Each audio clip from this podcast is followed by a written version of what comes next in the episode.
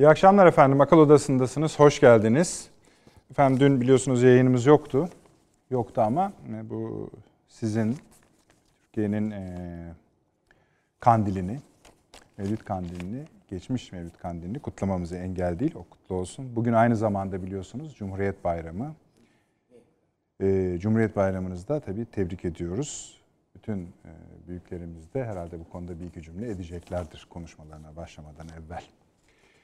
Ee, bunun dışında efendim bugünden başlayarak yani Perşembe ve önümüzdeki Salı saat 21'de buluştuğumuzda da Amerika Birleşik Devletleri'ndeki seçimleri konuşacaktık. Salı günü yine konuşacağız inşallah.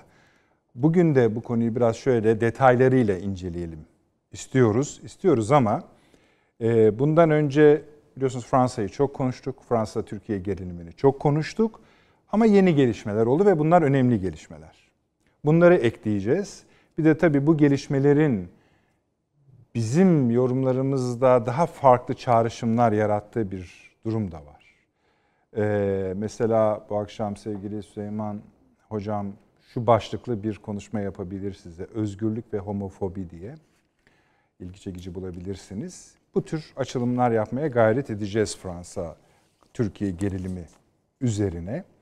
Tabii Fransa şu anda Avrupa Birliği'nin aralıktaki liderler zirvesine Türkiye karşıtı bir şeyler çıkarma umuduyla, umuduyla büyük baskı yapıyor. İşte bunun içinde gümrük birliğinin askıya alınması, sanki biz çok meraklıymışız gibi. Efendime söyleyeyim, e, ekonomik yaptırım, Avrupa çapında böyle hepsinin bir araya geldiği bir tepki vesaire gibi bir şeyleri derleyip toparlamaya çalışıyor. Bir yandan da e, Avrupa Birliği'nin kendi içinde problemler var ve bir yandan daha tabii böyle sakil işler yapmayı sürdürüyor. Bunlara tekrardan bir kısaca üzerindeki tozu almak açısından bir bakacağız. İkinci önemli gelişme, bu gerçekten de önemli. 27 ee, Ekim'de biliyorsunuz Sayın Cumhurbaşkanımızla e, Rusya Devlet Başkanı Putin arasında bir görüşme gerçekleşmişti. Anlaşıldığı kadarıyla bu zirvenin e, bir takım sonuçları gelmeye başladı. Özellikle de Ermenistan-Azerbaycan konusunda.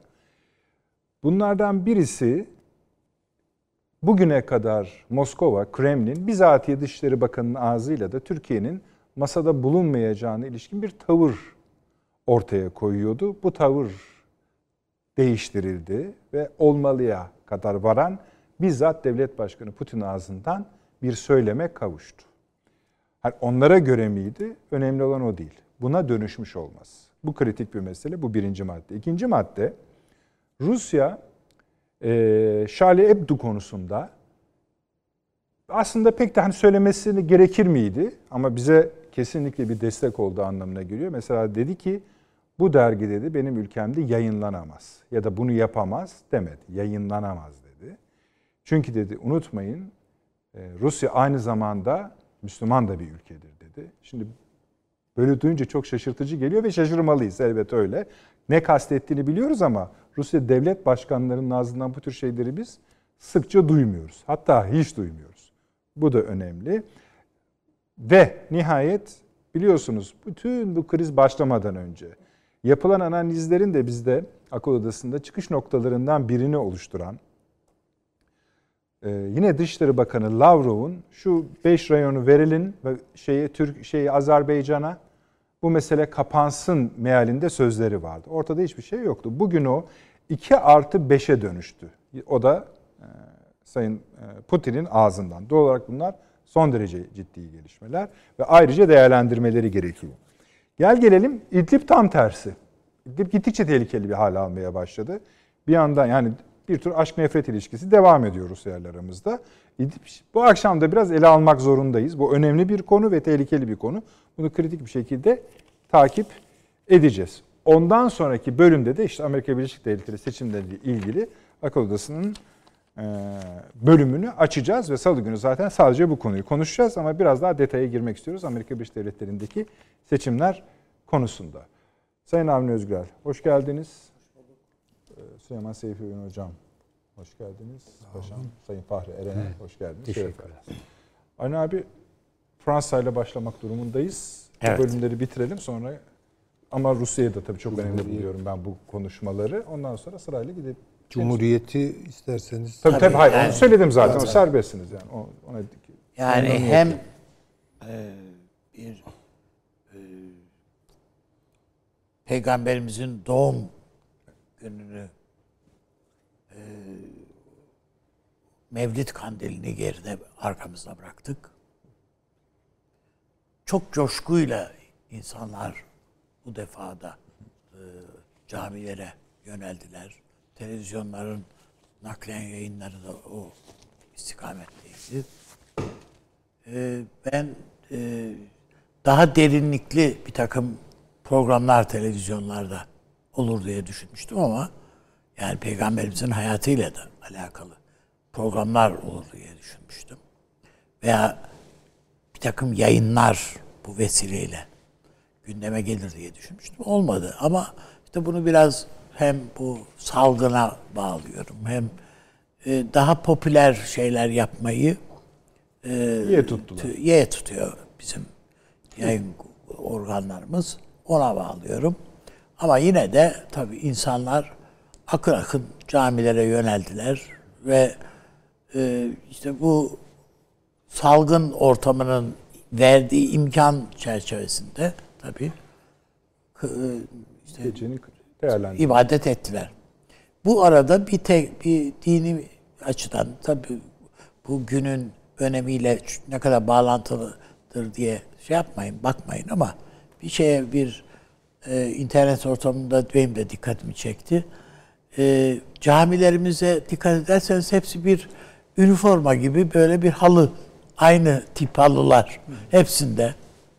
Yani bizim camilerimizin halbuki hepsinin bir ayrı şeyleri e, özelliği var idi.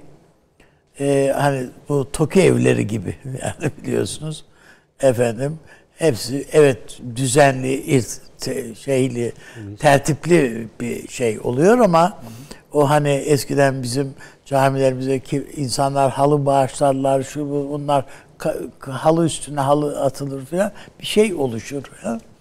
Ama o ortadan kalkıyor tabi. Bu üniforma hal şey dedikleri bir yapı. Buna da bir vesileyle inşallah bizi duyan olur.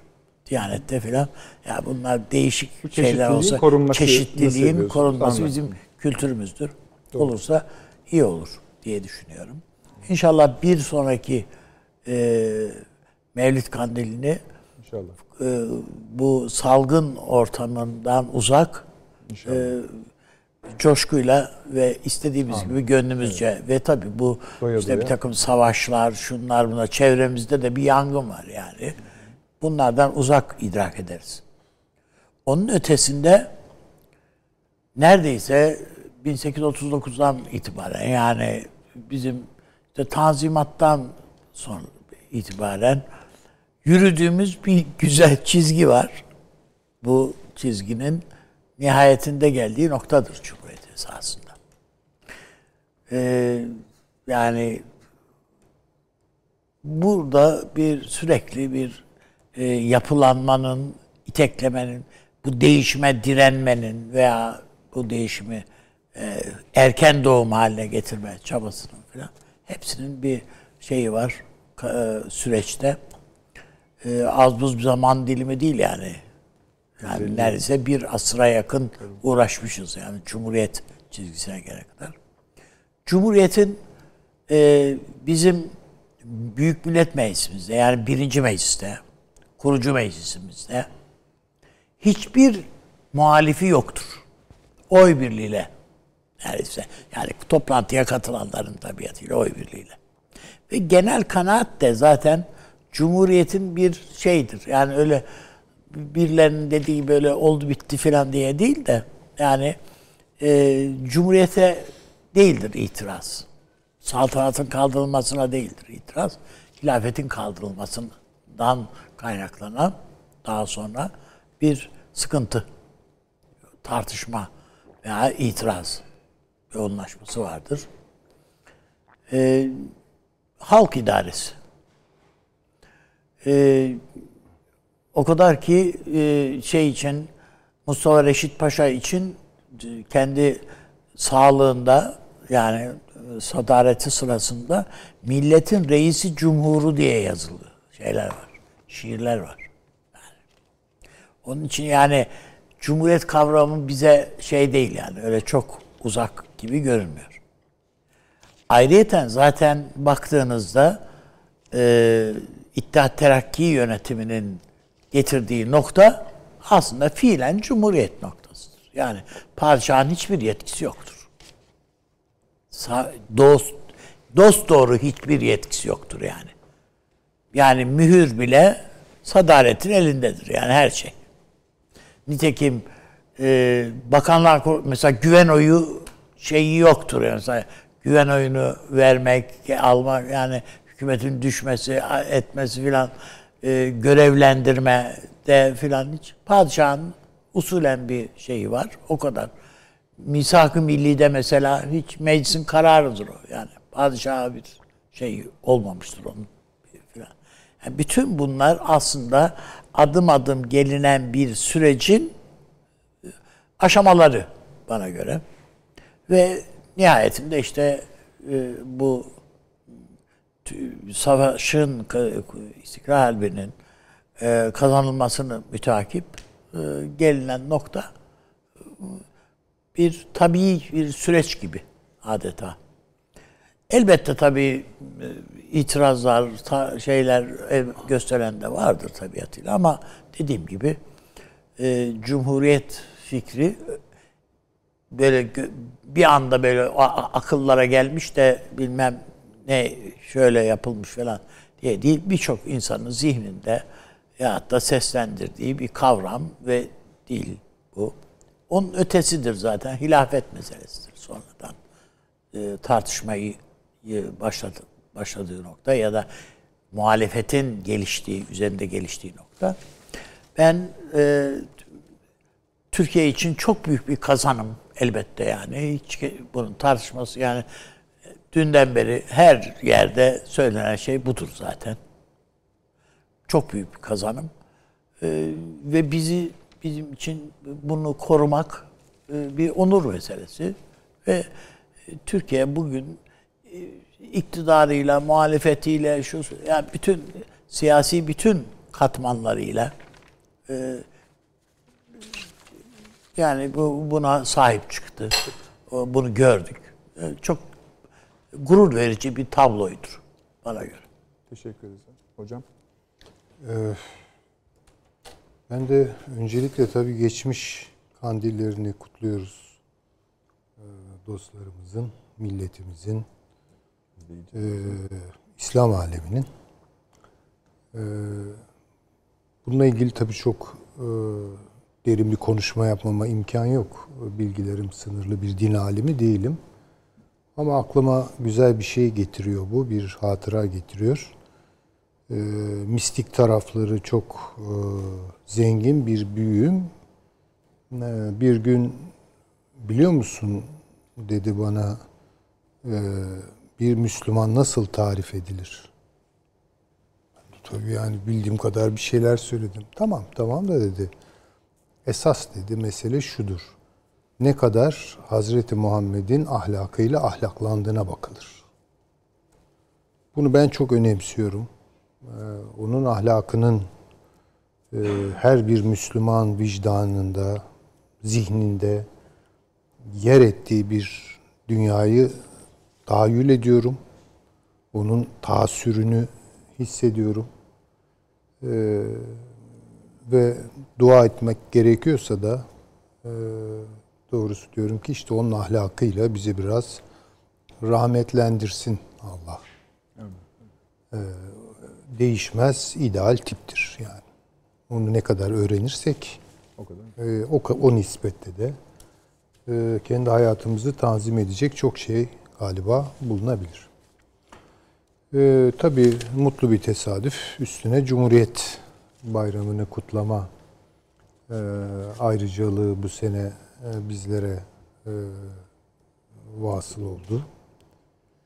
E, Cumhuriyetle ilgili konuşmak e, hakikaten belki bu programı tamamen ona hasretsek geldi. bitiremeyeceğimiz bir mesele ama mühim bulduğum bir konuyu e, isterseniz e, arz edeyim. E, kutladık. Herkes işte yani Cumhuriyet'ten ne anlıyorsa yani güzel şeyler anlıyor, pozitif şeyler anlıyor. Bununla mutlu olduğunu gösterdi. Ee, kurucusu, banisi Mustafa Kemal Atatürk'e olan sağlılık, e, saygı ve bağlılık e, duyguları tazelendi. Buna bir itirazım yok. Çok güzel. Fakat e, özellikle biraz dikkat ettim. Yani nasıl bir dil kullanılıyor? Yani Cumhuriyet kavramıyla nasıl bir bağ kuruluyor? İşte bir takım böyle spotlar var. Kamu spotları var. Reklamlar var hatta. Ee, gördüm ki içi bomboş. Bunu söylemek zorundayım. Hakikaten içi bomboş. Yani bir şey anlamıyoruz biz. Çok değerli bir şeye sahibiz de onun ne olduğu konusunda bir fikir sahibi değiliz. Yani mesela sokaktaki bir insana sorsak ya nedir Cumhuriyet? En fazla bize galiba söyleyeceği şu olabilir. Padişahı kovduk. Cumhuriyeti kurduk. Yani bir rejim değişikliği gibi anlatılıyor bu. Bu önemsiz midir? Hafife alınabilir mi? Tabii ki değil. Çok ciddi, çok radikal bir adım. Bu sağlam bir çerçeve.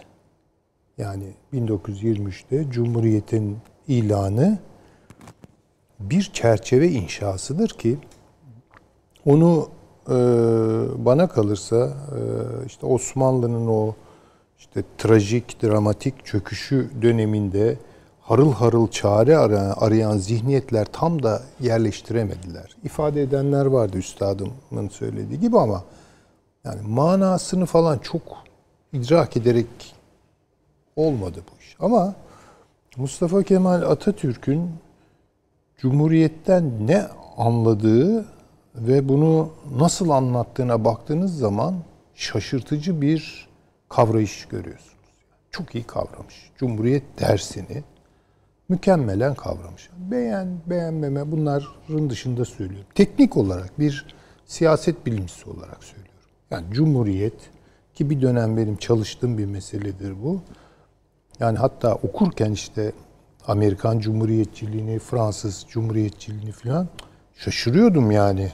O kadar iyi özümsenmiş ki ve o kadar iyi ifade edilmiş ki, kurgulanmış ki buna hakikaten diyecek bir şey yok. Ama zamanın içerisinde bir, evet herkes Cumhuriyeti üstadın da dediği gibi mecliste alkışladı, e, onayladı. Bunun tartışması da olmadı. Yani bizde mesela Fransa'daki gibi bir ne bileyim e, şeyi isteyen e, kraliyet rejimine geri dönmek isteyen partiler filan da vardır yani oralarda. Ha, öyle bir şey yok bizde. Gayet serin evet. bir şekilde bir geçiş oldu ve millet de buna itiraz etmedi yani. Fakat bütün bu yani çok sağlam bir kavrayış ve itirazı da olmayan bir kabullenişin içinde bir takım şeylerin 10 yıllar takip edildiği zaman Cumhuriyet tarihi içerisinde içinin doldurulmadığını hatta dolu olan bir şeylerin de boşaltıldığını gördük. Bir kere şunu görmek durumundayız. Cumhuriyet bir yeni onur anlayışıdır. Yani siyasi ahlak itibariyle yeni bir onur, şeref anlayışının bayraktarlığını yapar. Ee, daha kadim zamanlarda biliyorsunuz yani şeref bir insanın çabasıyla, emeğiyle elde ettiği bir şey değildir. Yani daha çok gelmiş olan bir şeydir, verilmiş olan bir şeydir.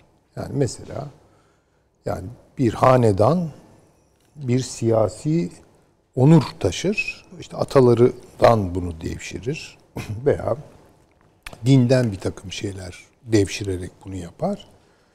Bir şeref anlayışı, bir onur anlayışı inşa eder. Ee, bu tabii biraz dar bir sahipleniştir. Aşağıya doğru tebaanın bunda bir payı yoktur. Yani tabi olanların bir payı falan yoktur. Ve o şeref anlayışı üzerinden bir ayrıcalık, siyaset yapma ayrıcalığı kazanır. O azınlık her neyse. Bu bakış, Cumhuriyet bakışı bunu siliyor ve yeni bir onur anlayışı tespit ediyor birey üzerinden. Bireyin şerefi, bireyin onuru. Bunu da bir sac ayağına oturuyor, oturtuyor. Vazgeçilmez olan şeylerden biri özgürlüktür. Bireyin özgürlüğüdür, haklarıdır. Üçüncü olarak da yükümlülükleridir. Cumhuriyet sanatı bu üç kavram arasındaki optimal dengeyi bulma meselesidir.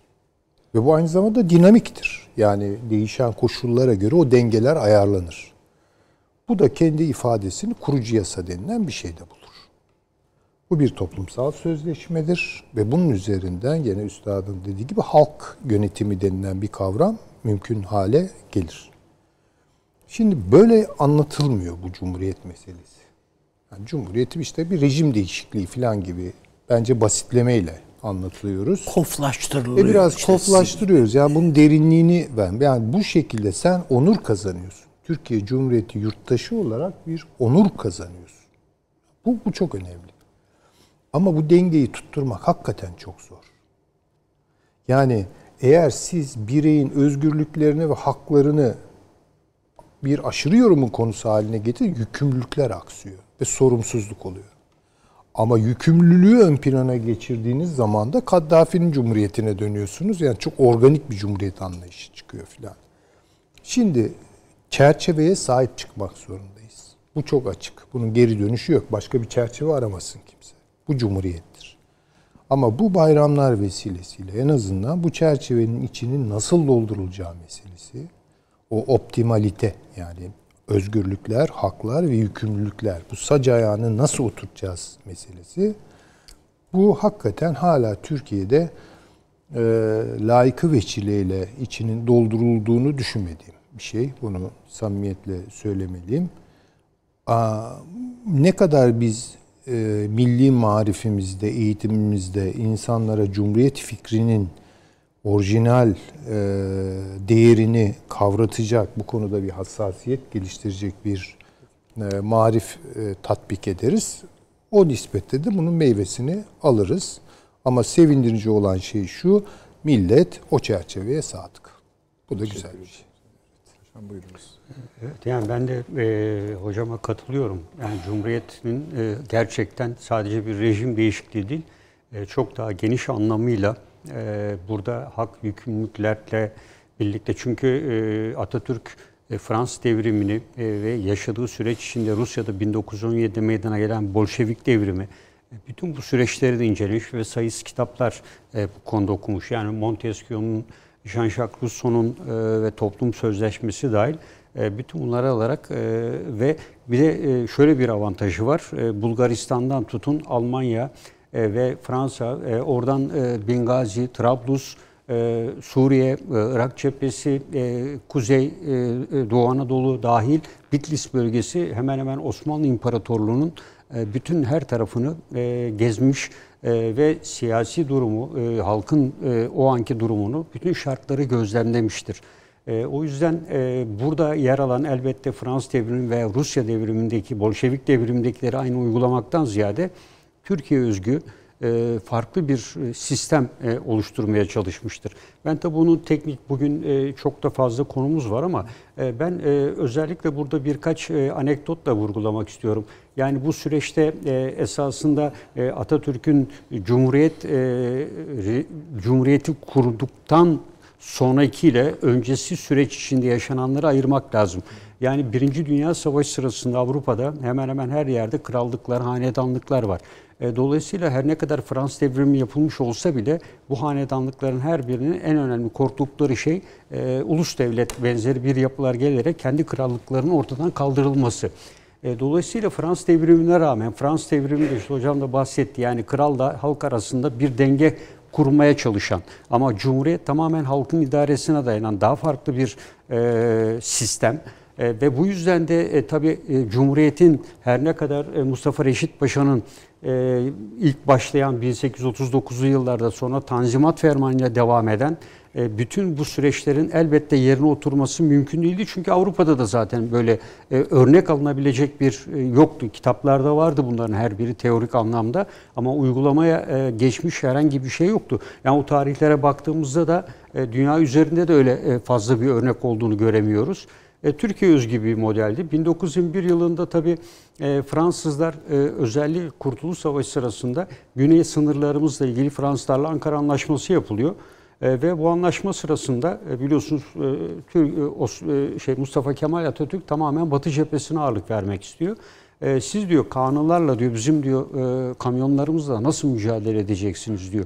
Yani böyle bir e, ortam içinde olan demiryolu olmayan e, bir mücadele sonucunda ve hemen hemen mecliste hiçbir itirazın olmadan ve üstelik 23 Nisan 1920'de e, Türkiye Büyük Millet Meclisi e, açılırken e, hemen Kuvayi İnzibatiye'nin e, çok yakınlarda olduğu bir süreçte bütün bu riske rağmen Ankara'da toplanan e, Hacı Bektaş Veli Camii'nden yürüyerek gelen Cuma namazından sonra ve birlikte dualarla açılan bir e, meclisten e, bugünkü bir sürece gelmesi e, son derece önemli.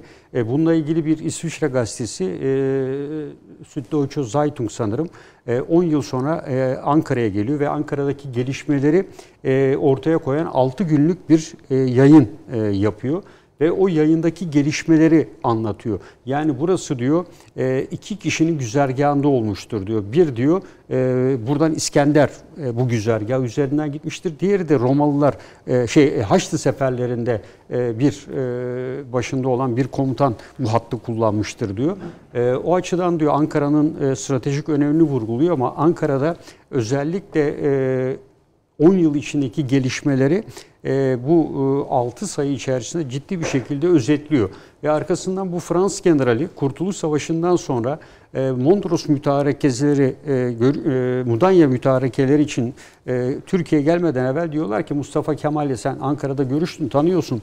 E, tekrar İzmir'de yanına bir uğra diye geldiğinde ona e, şunu söylüyor. Yani biz diyor sizin diyor kanılarla bizim kamyonlarımızı yenemeyeceğimizi e, söylemiştik ama tam tersi oldu e, şeklinde e, bir e, bilgi aktarımı oluyor. Yani dolayısıyla Mustafa Kemal Atatürk'ün burada ortaya koyduğu mücadele tabii bütün örgütleyerek ortaya koydu ve sonuçta elde ettiği bağımsız ve özgür bir Türkiye Cumhuriyeti kolay kazanılmadı. Burada ben tabii son olarak da şunu söylemek istiyorum. Yani Mondros mütarekesi imzalandığında kendisi Suriye cephesinden İstanbul'a e, geldiğinde Haydarpaşa'da trenden iniyor. Yanında da Yaver Cavet, e, Cevat Abbas var. Ve ağlayarak e, paşam ne olacak bu? Ağlama çocuk diyor. Geldikleri gibi giderler süreciyle başlayan ve arkasında son Osmanlı Mec- Meclisi mebusanında Misak-ı Milli'nin resmen onaylandığı bir süreci de başararak arkasından bu Anadolu ihtilalini başlatan bir süreçten söz ediyoruz. E, o yüzden e, burada e, iki önemli kavram var. Ben hep bunu ifade ediyorum. E, gençlerimizin ve hepimizin bu cumhuriyetin içini doldurabilmek için bunlardan biri akıl, ikincisi de yurtseverlik ve ülkeyi sevmektir diyorum. E, tekrar Cumhuriyet Bayramımızı e, kutluyorum. Sağ olunuz. Geldikleri gi- gibi gittiler. Evet. Gel gelelim biraz yüzsüzler. Hala gelmeye de devam ediyorlar. O kısmı da efendim e, biraz sonra başlayacağız. Fransa, Rusya, Amerika Birleşik Devletleri hepsinin e, biraz perde arkasını okumaya gayret edeceğiz. Bir mola alalım, reklamlara gidelim, hemen dönelim. Bir dakika reklam arası. Haberin sosyal medyası gzt.com sizi çok farklı bir okuyucu deneyimine davet ediyor. Merak ettiğiniz sorular yanıt buluyor, henüz duymadığınız şaşırtıcı konularsa karşınıza geliyor. Yorumlarınıza editörler cevap veriyor, arkadaşlarınızla paylaşmak isteyeceğiniz eğlenceli içerikler hazırlanıyor. Sizler için kamera karşısına geçiliyor ve olaylar sıkmadan ve anlaşılır şekilde anlatılıyor. Özel infografikler, videoların yanı sıra burada sayamayacağımız sayıda farklı dergiler. Şimdi telefon ekranınızı daha da anlamlandırmak için sizi davet ediyoruz. GZT uygulamasına iOS ve Android marketlerden kolaylıkla erişebilir, pişman olmazsınız. Mutlaka indirin. Reklam arası sona erdi. Döndük efendim, akıl odası devam ediyor ve Fransa'dayız. Evet Avni abi buyurunuz. Evet. Ana konularımıza geldik. E, gelişmeleri görüyorsunuz. Bir, Fransa'da biliyorsunuz bir de üstüne söyleyeyim bir bıçakla saldırı olmuştu. Üç ölüsü vardı.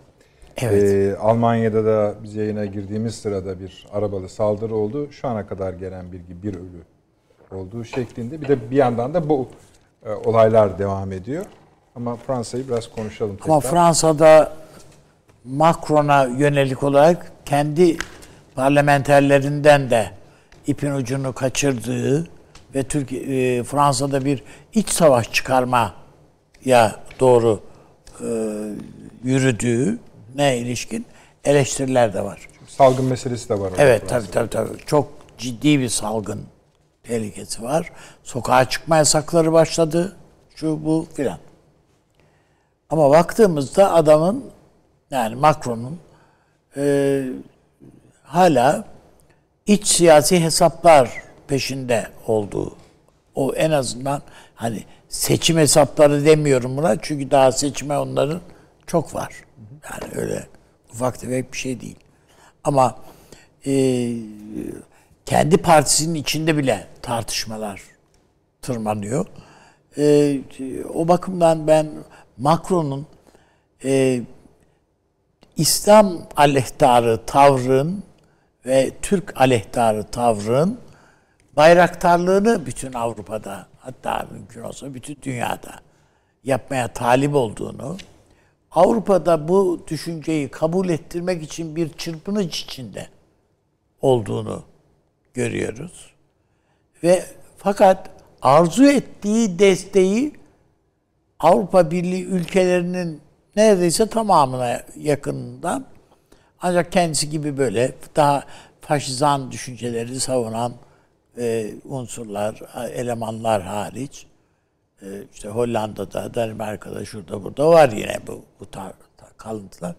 O ta, denli İslam düşmanlığı fikrine destek, o dozda destek çıkmıyor. Arzu ettiği tarzda. Ve tabii bu e, öyle ki iş e, yani mesela Azerbaycan'la mücadelesinde e, bir yani Azerbaycan'la Ermenistan mücadelesinde Azerbaycan'a yani siz Türkiye ile aranıza biraz mesafe koyun yoksa biz Türkiye'ye bir ambargo koyacağız. O, ambargodan siz de etkilenirsiniz diyerek yani Türkiye ile Azerbaycan'ın aramız, arasını açmaya yeltenecek kadar e, böyle bir e, a- çaresizlik içerisinde yani nereye tutunacağını da bilmiyor. Bilmez bir durum. Rusya'dan çok ümitliydi. Fakat Putin onun ümitlerini kırdı. Yani e, çünkü bunun tamamen bir başka türlü bir oyun olduğunu ve siyaset dışı bir şey. E, zannediyorum şimdi hocam hafta içinde bazen Alev Hanım'la sohbet etme fırsatı oluyor. O ahlak meselesini tartışmak lazım. Yani bu Charlie Hebdo, karikatürler, şu bu yani e, bunun e, siyasetle değil, ahlak felsefesiyle bir izahı yani şey yani e, rahmetli Nurettin Topçu hayatta olsaydı değil mi yani isyan ahlakı yani her şeyin bir ahlakı var yani. O bunların üstünde de konuşmak icap eder. Ee, az önce işte hocam dedi işte Robespierre, işte Montesquieu falan dedi işte Voltaire'di, Victor Hugo'ydu. Bunları içerisinden çıkarmış bir kavmin şu anda Cumhurbaşkanı Aa, bu diyeceksin. Yani şunları yan yana koymak bile bana göre resimlerini yan yana koymak bile geldiği nokta Fransa'nın bu diye. Anlatabiliyor muyum?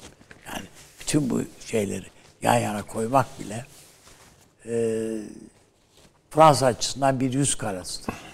Yani Fransa da bunu hak etmiyor açıkçası. Evet yani orada çok fanatik tipler vardır. Türkiye aleyhtarı şeyler de vardır ama bunun da bir üslubu, bir ahlakı var. Bu söz ortaya da sergilenen tutum ahlaksızca bir tutum. Hiçbir ülkenin Türkiye hiçbir ülkenin cumhurbaşkanına böylesi bir hakareti ne kadar düşman olursak olalım, husumet duyarsak duyalım e, böyle bir şeyi reva görmedi bugüne kadar. Bundan sonra da görmez zaten. Eleştiriyoruz, bağırıp çağırıyoruz. İşte bir takım boykotlar, boykotlar ama onun dışında e, o ülkenin değerlerine, bayrağına, savunduğu değerlerin hiçbirisine e, Türkiye Aklımıza da gelmez yani. Hani Evet. ne yapsak da böyle Burada şey. beni şaşırtan aslında şaşırmakla şaşırmalı mıydı? O da ayrı bir şey de. Suudi Arabistan'ın tavrı oldu. Suudi Arabistan yani Müslümanlar da kendi yaşadıkları, azınlık olarak yaşadıkları ülkelerin kurallarına, kanunlarına saygılı olmalı. Veyahut da oradaki düzene saygılı olmalı diye bir hem de üstelik yani İslam e, teşkilatının orada e, yöneticisinden gelen bir açıklamayla destek verdi. Tabi Suudi Arabistan'a yani yakışıyor. Yani şu andaki oradaki zihniyete yakışıyor ama herhalde Suud halkı herhalde ya- yaralanmış hissetmeli kendisini. Çünkü haberi mesela bu haberi e, El Hayat onların biliyorsunuz Prens'in şeyi. Evet. Oradan değil El Cezire'den öğrenebildiler. Yani Suudi Arabistan resmi haber İçeriye kanalında resmi haber kanalından değil El Cezire'den öğrenebildiler. Ve bu herhalde hepsini, herkesi ki Suudi Arabistan halkının yüzde seksene yakını da El Cezire seyrediyor, dinliyor yani. Onun için hani öyle gizlenecek, saklanacak bir durum değil bu. Ee, onun için ben kendi halkının bile e, bundan bu tür bir acziyetten utanç duyduğunu ve kendisini yaralanmış hissedeceğini düşünüyorum. Hocam şöyle bir şey sorabilir miyim? Macron'un tam ne yapmak istediği konusunda mutabık mıyız? Şu, Yani, Yani- muradı ne yani? Nereye var? anladım. Birincisi şöyle bir şey var.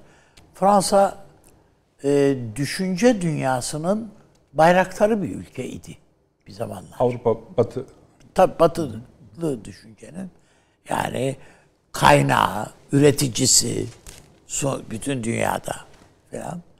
Yani en son işte bakıyorsun İslam'la alakalı bile işte Kızıl Deni diyoruz bilmem ne diyoruz falan değil mi yani? Falan yani bütün bunlarda Garudileri falan da göz önüne alırsak bir şeyleri üreten, tartıştıran, kendi ülkesinde de yani tartıştıran bir ülkeydi basın dünyası açısından da yani yakın zamana kadar biz işte Le Monde'u falan çok sıkı takip ediyorduk yani. Öyle. Hala Le Monde- bakarız ama eski- Hala bakıyoruz tabii de yani diplomatik falan hala Türkiye'de işte itibar görendir. Ama bakıyorsun dünyada da Fransız basını medyası önemini kaybetti. Ee, De Gaulle e, diyor ki işte yani bu bizde bir kitap vardır. Türkçe'de de yayınlandı bu. Ba- e, basın ihanetleri diye. yayınlandı. Evet. Türkçe'de de yayınlandı. İşgal döneminde, İkinci Dünya Savaşı'nda Fransız basınının nasıl Nazi Almanya'sına çalıştığını anlatan ve örneklerini veren bir yayındır o. Bugün bazı değerlendirmeleri yapan arkadaşlarımıza da, da tavsiye ederim ben onu. Ee, bakıldığında bunun artıkları her zaman ortalıkta var. Nitekim e, Trump öyle boşuna demiyor yani eğer biz olmasaydık şu anda Almanca konuşuyordunuz. Farkında mısınız diye. Onu boşuna boşuna söylemiyor. Yani NATO'ya ilişkin şeylerini falan eleştirdiklerinde. E, bakıldığında bu bayrakta bayrak elinden gitti Fransa'nın. Tekrardan acaba bir şeyler ortaya iter, ite kaka bir şeyler yapılabilir mi denemeleri var. Bunların hepsi boşa çıktı.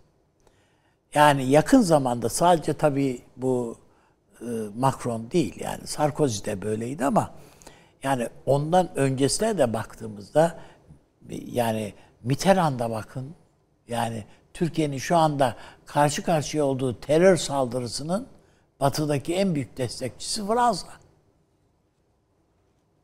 Bunlardı. Yani e, bakıyorsunuz aynı şekilde Asala e, örgütlenmesinin en büyük destekçisi. Ta ki işte Or Orly saldırısına kadar hani Asala'nın kendi topraklarında terör e, bayrağını açmasını içlerine sindiremedikleri için Asala'nın imhasına göz yumdular.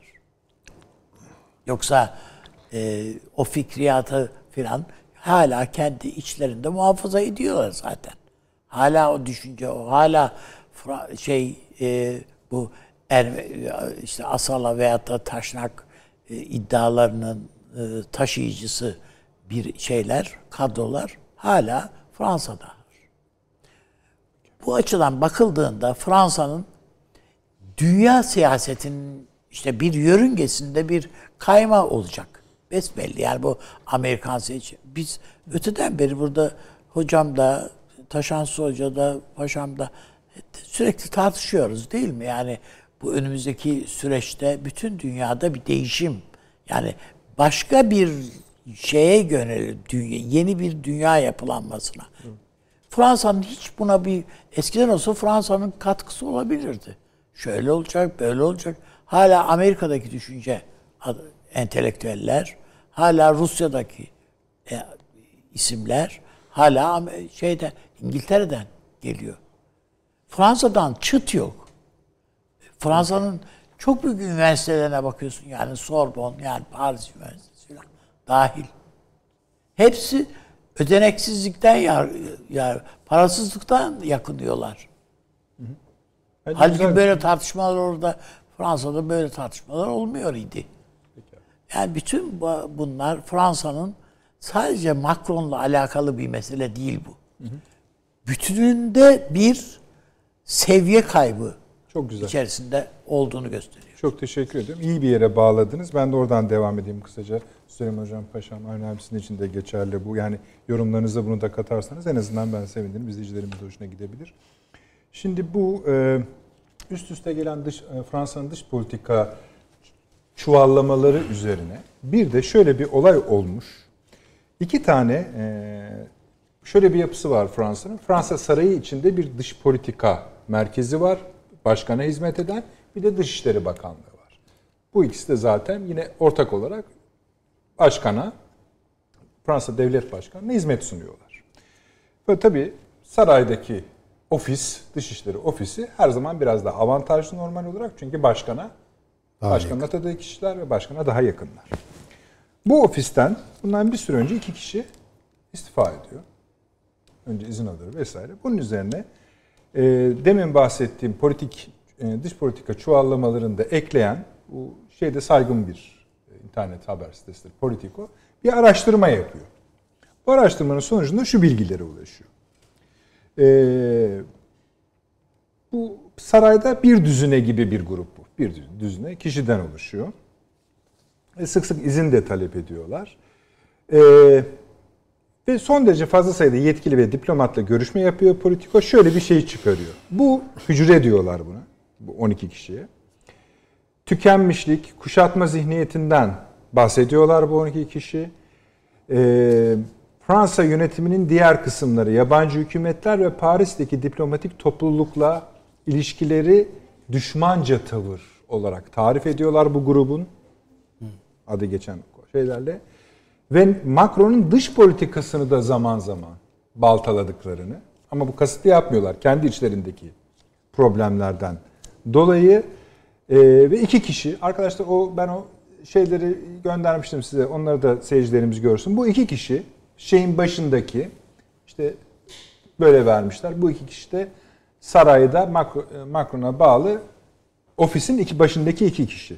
Emmanuel Bon ve Alice Ruffo. Altlarında çalışan kişileri ağlatacak kadar her gün sözlü tacizlerde saldırgan e, ve sürekli bir iş yapılıyor. O işin tekrar yapılmasını istiyorlar ve e, birbirleri hakkında da birbirlerinin koltuğunu kaydırmak amacıyla sürekli bir e, ne diyelim ona artık ihanet çemberi mi diyelim? O Fransa tarihinde bir parçası. hiç şey Fakat değil. Yani. ilginç olan- var.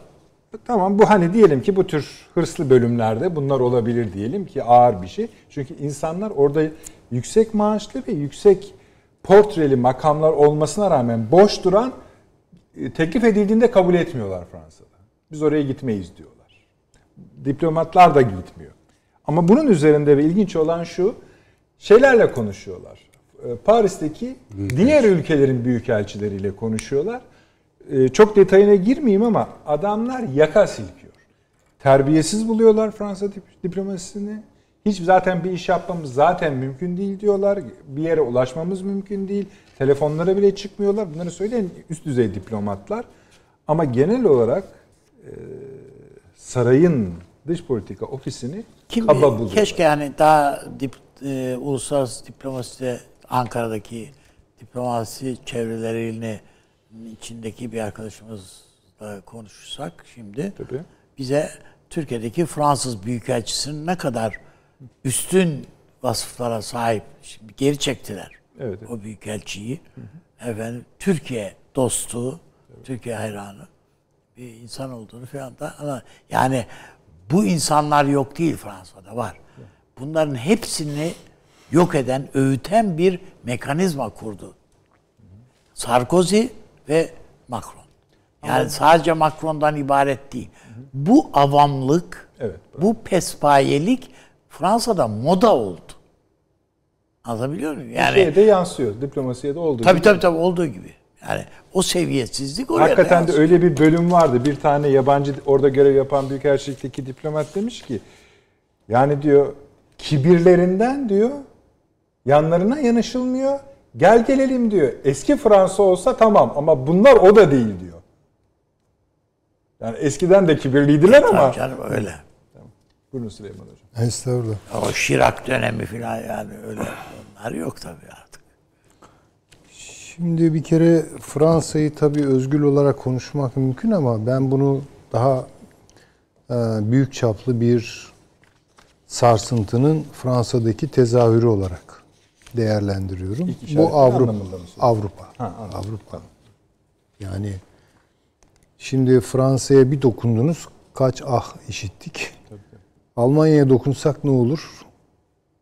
Yani benzer şeyler çıkar. Belki Fransa'daki kadar değildir ama yani orada da aksayan bir sürü şey var. Yani unutmayalım Almanya'da az daha darbe oluyordu. Tabii canım. Yani öyle Unutmayalım dediniz unuttuk. Anibal'in, tabii, tabii, ordusu tabii. el koyuyordu yani Tabii, tabii. idareye az kaldı. İyi gargaraya getirdiler, unutturdular yani. tabii. Çapı çok büyük bir hareket o.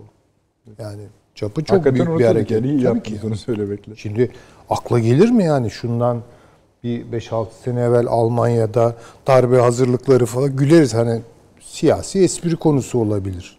Halbuki oldu. Şimdi eee, şu çok açık. Çok ağır bir yükün altındalar. Şimdi biz tabii çok kendimizle baş başa kaldığımız için yani Türkiye, Türkiye'nin meseleleri, Türkiye'nin sorunları falan filan diye dünyada olup bitenler hakkında çok fazla kanaat sahibi değil. Yani hala kafamızda işte mesela 90'lı yılların Avrupa Birliği var. Yani izlenim olarak. Veya işte bir Avrupa kalitesi var izlenim olarak. Oysa bunlar artık yok. Yani adı var, etiketi var, tabelası var ama kendisi yok. Ee, müthiş bir demografik baskı altındalar. Bu iki taraflı, onu söyleyeyim. Bir, Fransa'da, Almanya'da, bütün Avrupa ülkelerinde nüfuslar yaşlanıyor. Dolayısıyla buraların birer üretim merkezi olarak kendini idame ettirmesinin önünde şiddetli engeller var. Bunu yabancı iş gücüyle telafi etmeye kalkıyorlar. o zaman da eski sömürgelerin ahı çıkıyor. Yani bir bakıyorsunuz yani neredeyse Fransa'da bilmem 20 sene sonra bilemem demografi uzmanları söylüyor ama Fransızlar azınlığa düşecek falan. Almanya'da aynı şekilde. Şimdi düşünebiliyor musunuz? Yani bunu bir an kendimizin sorunu. Halbuki biz diri, genç bir nüfusuz. Tamam. İşsizi şu kadar, işlisi bu kadar filan bunların telaşındayız ama böyle vızır vızır insanlar yani mesela İstanbul'a gelen bir Fransız buranın dinamizmiyle büyüleniyor. Ya diyor ne kadar dinamik bir şehir. Herkes koşuyor falan. Tamam. Anomik manzaralar var, şunlar var, bunlar. Ama bizim böyle bir sorunumuz yok. Biz bunu anlamıyoruz. Yani şöyle koyalım kendini. Biz Türkiye'de bu sorunu yaşıyorum diyelim. Allah uzak etsin tabii. Türkiye'de Türkler azınlığa düşüyor. Ve yani sonradan gelme diyelim ki ne bileyim Nijeryalılar. Nijeryalılar çoğunluğu ele geçiriyorlar filan. Düşünebiliyor musunuz? Yani empati yapalım. E, nüfus yaşlanıyor. Bunun getirdiği bir çökkünlük var, yorgunluk var. E peki teknolojik standartlara bakıyorsunuz. Almanya ki bunun hani Avrupa'nın en değil mi teknik teknolojik e, şeyi şampiyonu e, IBM teknolojisinde pes etti. Yani bunlar makine, kimya falan. Oralarda yani. Otomotiv vesaire. Otoma, o oralarda. Oralarda da ağır darbe alıyorlar. Şimdi böyle bir Avrupa var. Bir de üstlerine bunların Doğu Avrupa'nın yükü binmiş. Yunanistan binmiş vesaire. İtalya'da benzer. Finansta çuvalladılar hocam. Tabii canım. ya. İtalya'ya bakıyorsunuz. 70'lerde Alman endüstrisi İtalya özellikle Kuzey İtalya'daki endüstrinin standartlarıyla boğuşmakta zorlanıyordu rekabet etmekte. Ya zaman zaman geçiyorlardı. Yani o Torino bilmem neyse Milano yukarıdaki. Şimdi orada sadece ırkçılık var. Yani başka bir şey yok. Sanayi falan bitti. Şimdi bir de üstüne bu pandemi geldi. Zaten krizi yaşıyorlardı. Bu pandemi meselesi gelince muazzam küçülmeler. Rakamlar inanılmaz. Fransa'nın hesabına galiba %12-13 bakmam lazım. Küçülme. E, Gidişata bakıyorsunuz siyaseten faşizmler birer hayalet olarak Marx'ın öyle bir sözü vardır Avrupa'nın üzerinde Bir hayalet oldu. bir komünizmin hayaleti, faşizmin hayaleti dolaşıyor. Geldi gelecekler. Şimdi bence Macron'un bütün yatırımları bu zorlayarak yaptığı yatırımlar. Mesela yeniden büyük Fransa falan. Bir bakıyorsunuz Lübnan'a zıplıyor. Bilmem ne yapıyor. İşte orada Feyruz'la pozlar veriyor. İşte e, Irak'taki e, ayrılıkçı e, Kürt hareketiyle temaslar kuruyor. Bir, bir roller çalmaya çalışıyor. İşte Yunanistan'ı kışkırtıyor tüm. Yani ben bakın büyüğüm ve arkanızdayım falan. Yani sen kimsin ya? Neyin ne? Lübnan'dan Neyin kovdular ne? hocam. E, kovdular yani. Hepsini yüzüne gözüne bulaştırdı. Çok kötü bir sicil.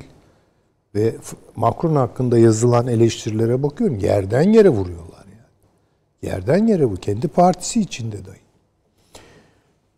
Bir rol çalmaya çalışıyor. Çünkü açık ki bu gidişat Fransa'da e, Le Pen'in önünü açıyor. Yani Fransa oraya doğru gidiyor. Acaba oradan bir rol kapabilir miyim? Yapmak istediği bence iç siyaset açısından bu.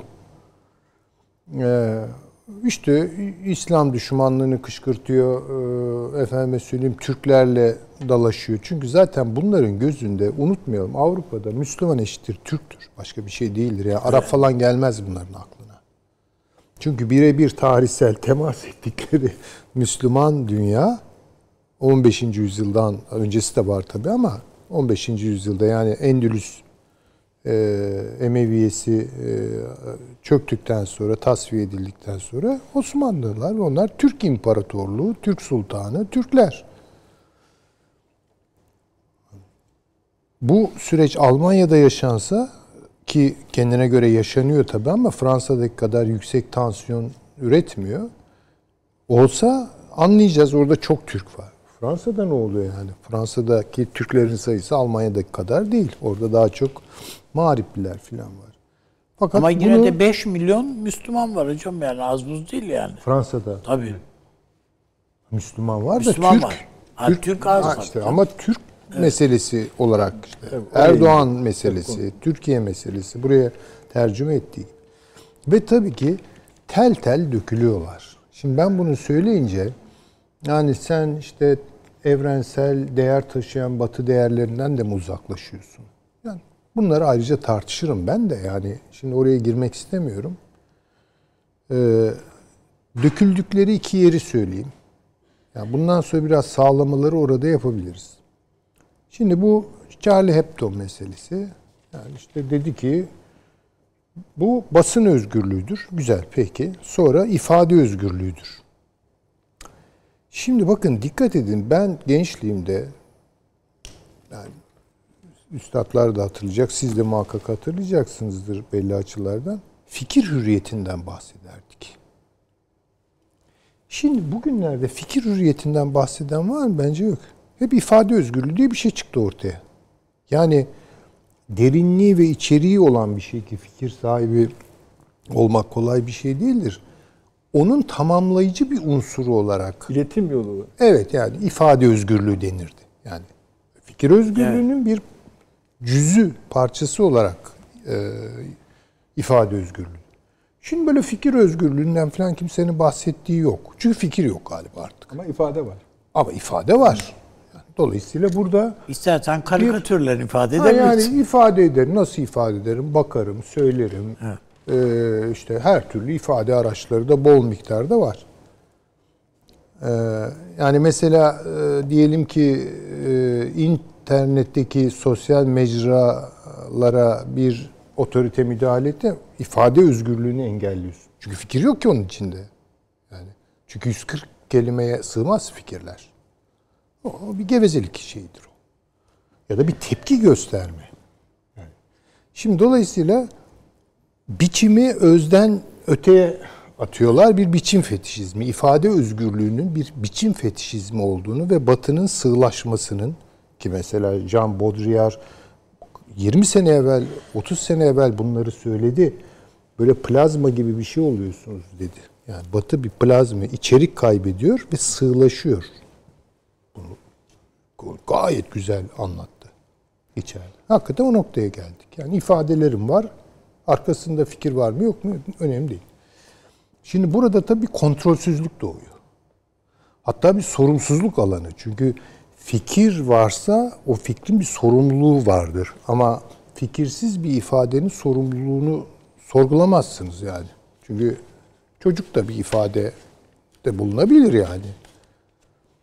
Bunun sorumluluğu nedir? Bu da ortadan kalkıyor. Bu da çok büyük bir boyut kaybı tabii ki. Derinlik kaybı. Şimdi bunu kutsamaya ve fetiş hale getirme, ifade özgürlüğü, ifade özgürlüğü, ifade özgürlüğü. Tamam. Bir tarafıyla bakıyorsunuz hatta burada öyle bir e, yargı e, içtihadı birikmiş ki. Mesela e, gidiyorsunuz ya bu adam bana hakaret etti diyorsunuz. Ha? Hakim diyor ki ama onun ifade özgürlüğüne giriyor. Sana vurdu mu? Şiddet var mı? Yok.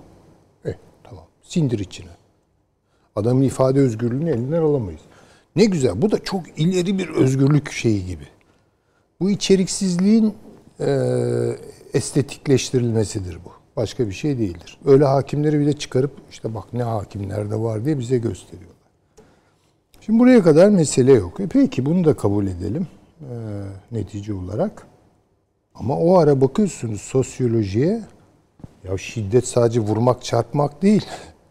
Sembolik şiddet diye bir şeyden bahsediyor sosyoloji. Evet. Sözel şiddet diye bir şeyden bahsediyor. Yani siz öyle ince satirik bir laf edersiniz ki adamı En hakikaten basiti şu çok gamalı haç. edersiniz. Tabii canım yani. Ya, Sadece gamalı haç Yani- göstersen içeri alırlar yani. Sembolik şiddet e, şeyleri var, aletleri var. Yani semboller üzerinden de şiddet uygulayabilirsiniz falan. E bunların hukukta karşılığı meçhul. Ama bunu da söylüyorlar. O ara bütün bunlar olmuyormuş gibi bir şey çıkarttılar ortaya. Başka bir kavram. Bu homofobi kavramı. Şöyle yapalım. Müsaadenizle. Keseceksiniz. Çünkü, çünkü özgürlük bölümünü tamamlamış gibi olduğunuz Evet, peki. e, homofobi bölümüne geçeceksiniz Fransa ailenizde. Bir kısa aramız var efendim. Hızla döneceğiz. Bir dakika reklam arası.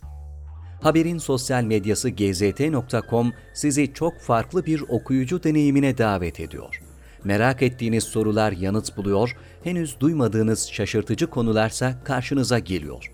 Yorumlarınıza editörler cevap veriyor, arkadaşlarınızla paylaşmak isteyeceğiniz eğlenceli içerikler hazırlanıyor. Sizler için kamera karşısına geçiliyor ve olaylar sıkmadan ve anlaşılır şekilde anlatılıyor. Özel infografikler, videoların yanı sıra burada sayamayacağımız sayıda farklı dergiler. Şimdi telefon ekranınızı daha da anlamlandırmak için sizi davet ediyoruz. GZT uygulamasına iOS ve Android marketlerden kolaylıkla erişebilir, pişman olmazsınız. Mutlaka indirin. Reklam arası sona erdi. Döndük efendim. Süleyman hocamıza devam ediyoruz ve o bölüm. Homofobi meselesi e, yani suç kavramına da yeni bir takım şeyler e, ilave etti. Yani bir takım yeni kataloglar yani homofobik suçlar diye bir şey var. Yani bunu tam hukukta nereye oturtuyorlar ama bilmiyorum çok ciddiye aldıkları ortada. Bu mekanizma alınganlık üzerine oturuyor. Yani çok tuhaf bir şey. Yani alınganlık konusu haline getirilecek her şey acaba orada homofobik bir şey mi var? Buna müdahale etmek gerekiyor. Hukuku da bu işin içine sokmaya çalışıyorlar. E ne oldu ifade özgürlüğü şimdi burada? Burada bunun hesabı yapılmıyor. O zaman ben diyorum ki bu biraz mesele bağımlı bir şey mi? Ve gördüğüm hakikaten o. Çok mesele bağımlı bir şey. Cinsiyet meseleleri olursa, e, kadın meseleleri, e, efendim söyleyeyim LGTB meseleleri olursa, bir de ırk meselesi olursa. Hocam bu esasında bana bana ördek dedin.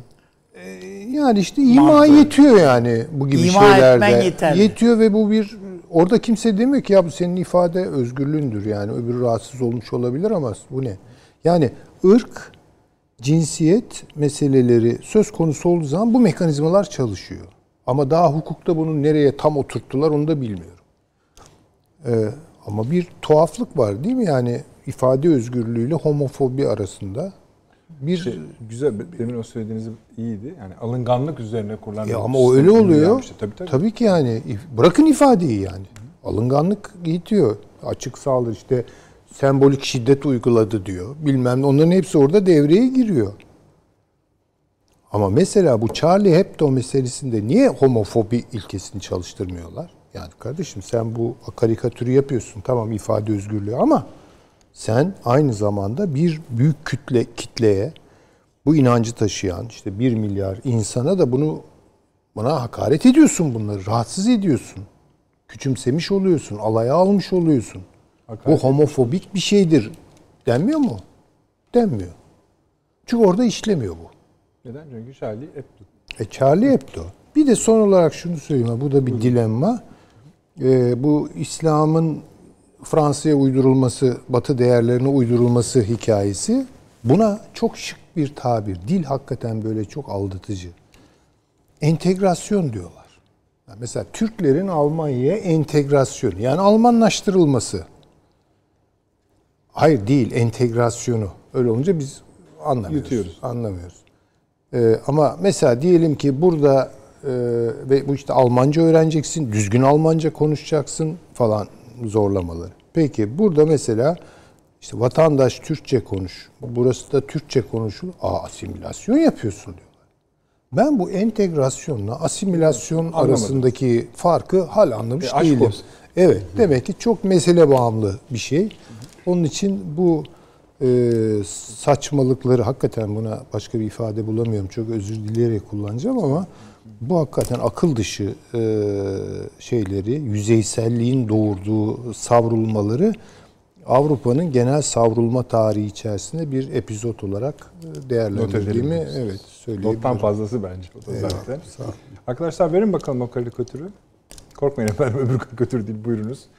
Avni abi bir şeyler söylemek istiyorsun Evet herhalde. yani bu karikatürü Fransa'da, Güney Fransa'da yaşayan bir Müslüman. Bizde ilgisi yok efendim. Yani karikatürist zaten yani çalıştığı kurumda da öyle. Yani karikatürist. Bu karikatürü yapan çocuk işten atılmış. Yani e, ifade hürriyeti falan hayır hiç Cumhurbaşkanı'na hakaretten işten atmışlar. Ondan değildir o işte. Yılan çizdiği için hayvan hakları ile ilgili. bir şey. Ee, olabilir evet. Tabii o, da- o da Alınganlık değil mi Süleyman O Hocam? Diye biraz Tamam. alınmış Çünkü tabii. demin hocam dedi ki entegrasyon, Türklerin entegrasyonu falan filan. Allah'a çok şükür Türkler dünyanın hiçbir yerinde entegre olmuyorlar. Yani Almanya'da 30 sene kalmış, yaşamış, orada çalışmış, para biriktirmiş. Fakat Almanca bir kelime bile bilmeyen insanımız var. Çok sayıda. Bu öyle kolay bir iş değildir bu entegrasyon meselesi. Biz getto halinde yaşamayı severiz yani öyle. Peki. Yani Aldık komşular, momşular, işte Türk kahvesi, işte sigara içmeyi sevenler derneği deyip dernek kurmuşlar. Frankfurt'ta. Düşünebiliriz. O, o, o kahvede sigara içmek serbest. Peki. Bir daha. Buyurunuz. Yani deliyorlar. Buyurunuz paşa. Ee, esasında e, Sayın Cumhurbaşkanı'nın e, Macron'a yönelik ifadeleri altında esasında İslam düşmanlığı ile birlikte e, Türk düşmanlığının Tabii. ortaya konulduğu açık ve net. Hatta bunu Türkofobi şeklinde olabilir mi? Yani xenofobinin zamanla e, esasında tam ifade edilmiyor ama e, bunun e, tarihsel süreç içinde de tam bir Türk düşmanlığı olduğunu görebiliyoruz. Tabi bunu şöyle bir etrafı e, genel hatlarıyla bakmadan evvel e, Macron'un ben e, bu akşam bir kısa geçmişini de okumuştum. Yani meşhur e, devlet Holland'ın hem danışmanlığını ve ekonomi bakanlığı yapıyor. Özellikle ekonomi bakanlığı döneminde son derece kötü bir bakanlığı var. Esasında devletle olan ilişkisini 50 bin euro gibi yüksek bir para ödeyerek devletten ayrılıyor ve Rothschild'lerin yanına giriyor. Evet. E, ve e, çok yüksek maaşlarla devam ettiriyor ve diğer süreci de elbette onun arkasında var. E, burada e, ben e, Macron'un e, ailesi e, tam olmam 12 yaşlarında Katolikliği kabul ediyor ve Katolik e, eğitim referansıyla e, katı bir Hristiyan olarak kendini yetiştirdiği aynı şekilde ifade ediyor. Ama ailesi babası nöroloji profesörü ve diğeri var. Ama kendisinde Rothschild'lerin e, çok büyük etkisinin olduğu ve hala da devam ettiği bir vaka. Evet. Tabi burada Fransa'nın bence e, en büyük e, sorunu e, bu Türk düşmanlığı kapsamında özellikle Macron e, her ifadesinden sonra ya Amerika'dan ya Türkiye'den ya da benzeri ülkelerden ağır cevaplar aldı. Örneğin e, NATO'nun beyin ölümü gerçekleştirildiğinde e, aynı şekilde Trump'tan. Avrupa ordusunu PESCO'yu kuruyoruz derken e, Türkiye'nin ciddi bir şekilde karşı çıkmasıyla karşılaştı. Irak'a gitti, ziyaret yaptı ama Irak'ta bugünkü verilere bakıyoruz. Rusya ile ve Çin'in ciddi bir şekilde hakimiyet kurduğunu Amerika'ya rağmen görüyoruz. Suriye'de Türkiye, e, Frans, e, Türkiye, Amerika ve e, Rusya e, tarafından e, kontrolü sağlanıyor. Ege'de Yunanistan'la Türkiye karşısına çıkayım dedi. O da belli bir sürece kadar geldi. Yani mahallede kızan çocuklar gibi babasını getirir gibi uçak gemisini getirdi. Tekrar e, geri gönderdi. E, Kıbrıs'ta bir üs elde etti. Bu üsle Türkiye'ye karşı ve Orta Doğu yönelik faaliyetler yürütürüm dedi. Ama bu arada Mısır'ı kaybetmeye başladı. Özellikle İsrail e, ilişkilerin giderek artmasıyla birlikte e, Mısır'ın ki Sisi geçen yıl en kıtlık döneminde yaklaşık 6 milyar dolar bir para harcayarak ticari gemilerin ve petrol gemilerinin hızlı geçişi için Süveyş kanalına ciddi bir yatırım yaptı. Ee, ancak buradan e, farklı bir yapının ortaya çıktığını diyor. Kendisi kontrol edemiyor. Şu anda Irak, Mısır e, ve Ürdün arasında ciddi bir e, işbirliği oluşmaya başladı.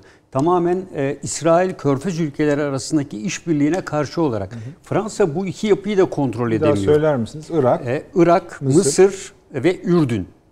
E, bu e, yapıyla İsrail, Birleşik Arap Emirlikleri, Bahreyn şimdilik ve Suudi Arabistan da buna dahil Rusya ediyorlar. lafı da dolaşıyor e, paşam. Rusya e, şöyle yani, yani, bu, en- bu üçlü dörtlüyle birlikte. e, şimdi tabii e, Mısır'ın Mısır'da e, Rusya var. Mısır'ın bunu devreye girmesinin en büyük nedeni e, bu belirttiğim gibi yani en büyük gelirini Süveyş kanalından sağlıyor.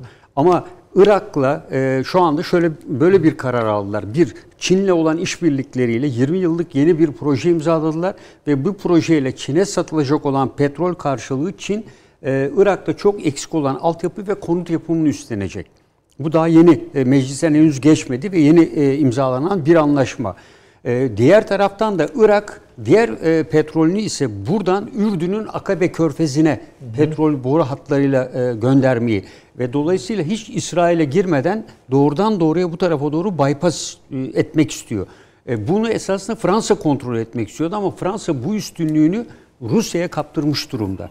Ve Irak'ta ciddi anlamda e, ortaya konulan özellikle Çin'in son iki yılda artan enerji altyapıları ve Irak'la yapmış olduğu e, 3-4 farklı anlaşma, Rusya'nın da var.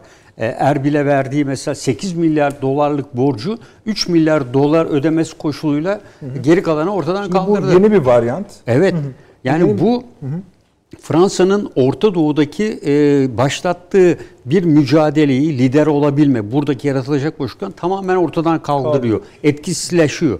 Doğu Akdeniz'de de aynı şekilde giderek etkisizleşiyor. Çünkü Mısır Rusya ağırlıklı bir pozisyona girmeye Şey başladı burada. Tabii. Evet. Dün yani şimdi e, bütün detaylarıyla izlediğimiz her konuyu yani paylaşamıyoruz izleyicilerimizle. Ee, Mısır e, Dışişleri Bakanı inanılmaz bir Rusya gezisi Evet. yaptı. Herkesle konuştu. Herkesle uzun uzun konuşmalar. Yani e, Putin'in bölge temsilcisinden yani o ki çok önemli bir diplomat Bogdanov işte hep söylüyoruz. Yani adam yere basmıyor diyebilirim. Uçaktan inmiyor yani adam. Ama Putin, Lavrov, Duma Başkanlığı, Sair uzun uzun görüşmeler yaptı ve yeni bitirdi. Yani belki Mısır'a dönmemiş bile daha olabilir. Bir süredir de sizin bahsettiğiniz o işte ülkelerin bir ikisi değişse bile Rusya ve Mısır'ın sabit kaldığı Evet. ama kimisi Ürdün diyor, kimisi Yok, Irak'la Irak ilgili diyor. e, evet. Irak, Irak Ama kesin. Yani Ürdün değişken olabiliyor bu arada. bir. Türkiye lehine de bir pozisyon üretebilir. Evet, evet, üretebilir. evet. Ama şunu unutmayalım. Yani Amerika Çin'in Irak'taki herhangi bir şeyine kesinlikle izin vermeyecek. Ee, 10 10 milyar dolar borcun yaklaşık e, 2 e, 8 milyar dolarını Çin'de e, hibe etmiş. E, Olabilir. Yani böyle pa- parayı hibe imzalamışlar. İstedikleri imzalasınlar paşam. Yani Amerika Çin şeyde Irak'ta kendisi dışında birinin oyunu oyun kurulmasına veya onun oy, kendisinin oyununu değiştirmesine izin vermez. Çin Çin'in buraya gelmesi hani mesela orada Rusya'ya olsa Amerika orada Yok, geri Rus- ge- Rusya'nın- Hayır, yani Çin değil Rusya olsa e, geri adım atabilir Amerika. Rusya'nın Ama da mesela Erbil'le yaptığı çok Tamam, e, ciddi doğru, anlaşmalar var. Evet. Ve en önemlisi Rusya Türkiye'den geçen e, Kuzey Irak'ta çıkan petrolün geçtiği petrol boru hattına hisse alarak ortak oldu ve ikinci bir hat yapılma anlaşmasını imzaladılar. Yani Kuzey Irak'ta Rusya'nın ağırlığı var. E, tamam Irak'ın ona, kuzeyinde- ona Amerika bir şey diyeme, Evet. diyemiyor yani. Diğer taraf diğer tarafta da güneye doğru özellikle Bağdat bölgesinde de e, halkın bu hareketlenmesinin önünü kesebilmek için refah seviyesi ve yoksullukla mücadele için Çin'in üstlendiği ciddi altyapı projeler var. Hala devam eden projeler var. Onları da örnekleriyle gösteriyorlar yani bu süreç içinde. Dolayısıyla bunların her iki yapı içinde İsrail ile Körfez ülkeleri arasındaki yakınlaşmada e, Amerika etkili ve Fransa'nın hiçbir dahli yok. Yani Fransa'nın Lübnan'a e, arkasından Suriye'de Amerika ile birlikte işte 300-500 kişilik bir birlik bulundurması, arkasından Macron apar topar Irak'a gitmesi ve orada kendine yer edinmeye çalışmasının hiçbir anlamı e, kalmadı. Dolayısıyla Orta Doğu'da yeni bir süreç içerisinde e, Fransa e, bulunmayacak gibi görülüyor. Tabii bu uluslararası e, ilişkilerde her an değişebilir her şey ama Kıbrıs'ta da etkili değil. E, buna baktığımızda e, Doğu Akdeniz'de e, vekil olarak konulu Yunanistan'la olan ilişkilerin işte tatbikatlar yine bir e, ivmelendi ve tekrar bu tarihsel süreç içinde de olan şeyler tekrar eski konumuna geldi. Bakın Balkanlarda şiddetle Macron karşı çıkıyordu. Amerika Sırbistan'la Kosova'yı alınca tutuştu. Onların her ikisini Paris'e ve Brüksel'e davet ettiler. Yani Balkan politikasını değiştirmeye çalıştı. Dolayısıyla sürece göre sabit bir politikası yok ve ne yaptığını bilen bir Macron yok. Ee, ve av- hiçbir yerde lider olamayan bir Fransa var. Ee, dolayısıyla burada sarı yeleklileri en basit ekonomi bakanı olmasına rağmen iş kanununda yaptığı bir değişiklikle hala devam eden e, bu sarı yelekli gösterilerine yol açtı. E, ve burada dediğim gibi temel hedefi her gittiği yerde karşısına çıkan bir ülke var yani Türkiye. E, dolayısıyla burada esasında e, tamamen e, sayısal olarak Türkiye az olsa bile ama kendisi bir algı yönetimi olarak e, burada e, İslam karşıtlığını doğrudan doğruya e, Türk karşıtlığıyla e, özdeşleştiriyor. Ve burada yapılan e, tabii bu saldırıların da ben e, esasında planlı olduğunu e, düşünüyorum. E, çünkü Macron'la ilgili bir takım istihbarat raporlarında Müslümanlara yönelik bu saldırılar ve benzeri saldırılarla birlikte özellikle DAEŞ'in yeniden Orta Doğu'da hortlatılmasında e, önemli bir fonksiyon üstleneceğine dair bir takım veriler var. Yani bu e, özellikle İslamofobi karşıtı. Bakın e, İslamofobi karşıtı hareketlerin neredeyse son e, bir yılda yüzde yetmişi Müslüman kadınlara yönelik yapılmış. Kadınlar üzerinde bu e, etkiyi arttırarak e, tamamen e, erkeklerin veya diğer işte yapıların harekete geçmesini, camiler dahil son 3 yıl için 355 tane yapı e, kapatılmış. Yani dernek vesaire. 450'ye yakın kişi sınır dışı edilmiş. Halbuki onun koşulları var diyor. Bunlar en az bir yıl hapis cezası almak koşulu var. Yasada yer alan bu maddelere hiç uymadan yasa dışı e, ediyorlar. Bunların içinde Türkler de var. E, ama tüm hedef olarak üçünü seçmiş. Fas, Cezayir ve Türkiye. Yani özellikle işte buradan gelen imamlar vesaire diğer konulara giriyor. E, burada dediğim gibi Fransa e, şu anda e, bir politik belirsizlik içinde. E, ve buradan çıkışın yollarını arıyor.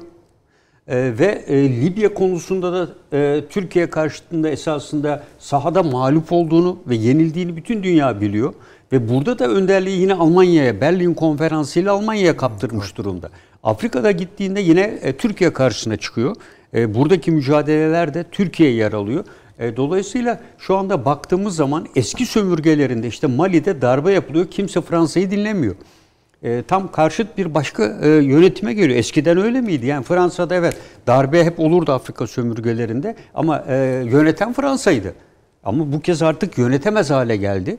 E, ve bence e, DAEŞ'ı kullanılabilir bir örgüt olarak yani diğer e, vekillerden de işte Hafter'den e, bir baktı Birleşik Arap Emirlikleri ile biraz işbirliği yapıyordu. E, onu da bu e, İsrail'e dolayısıyla tam olarak Amerika'ya e, kaptırmış durumda.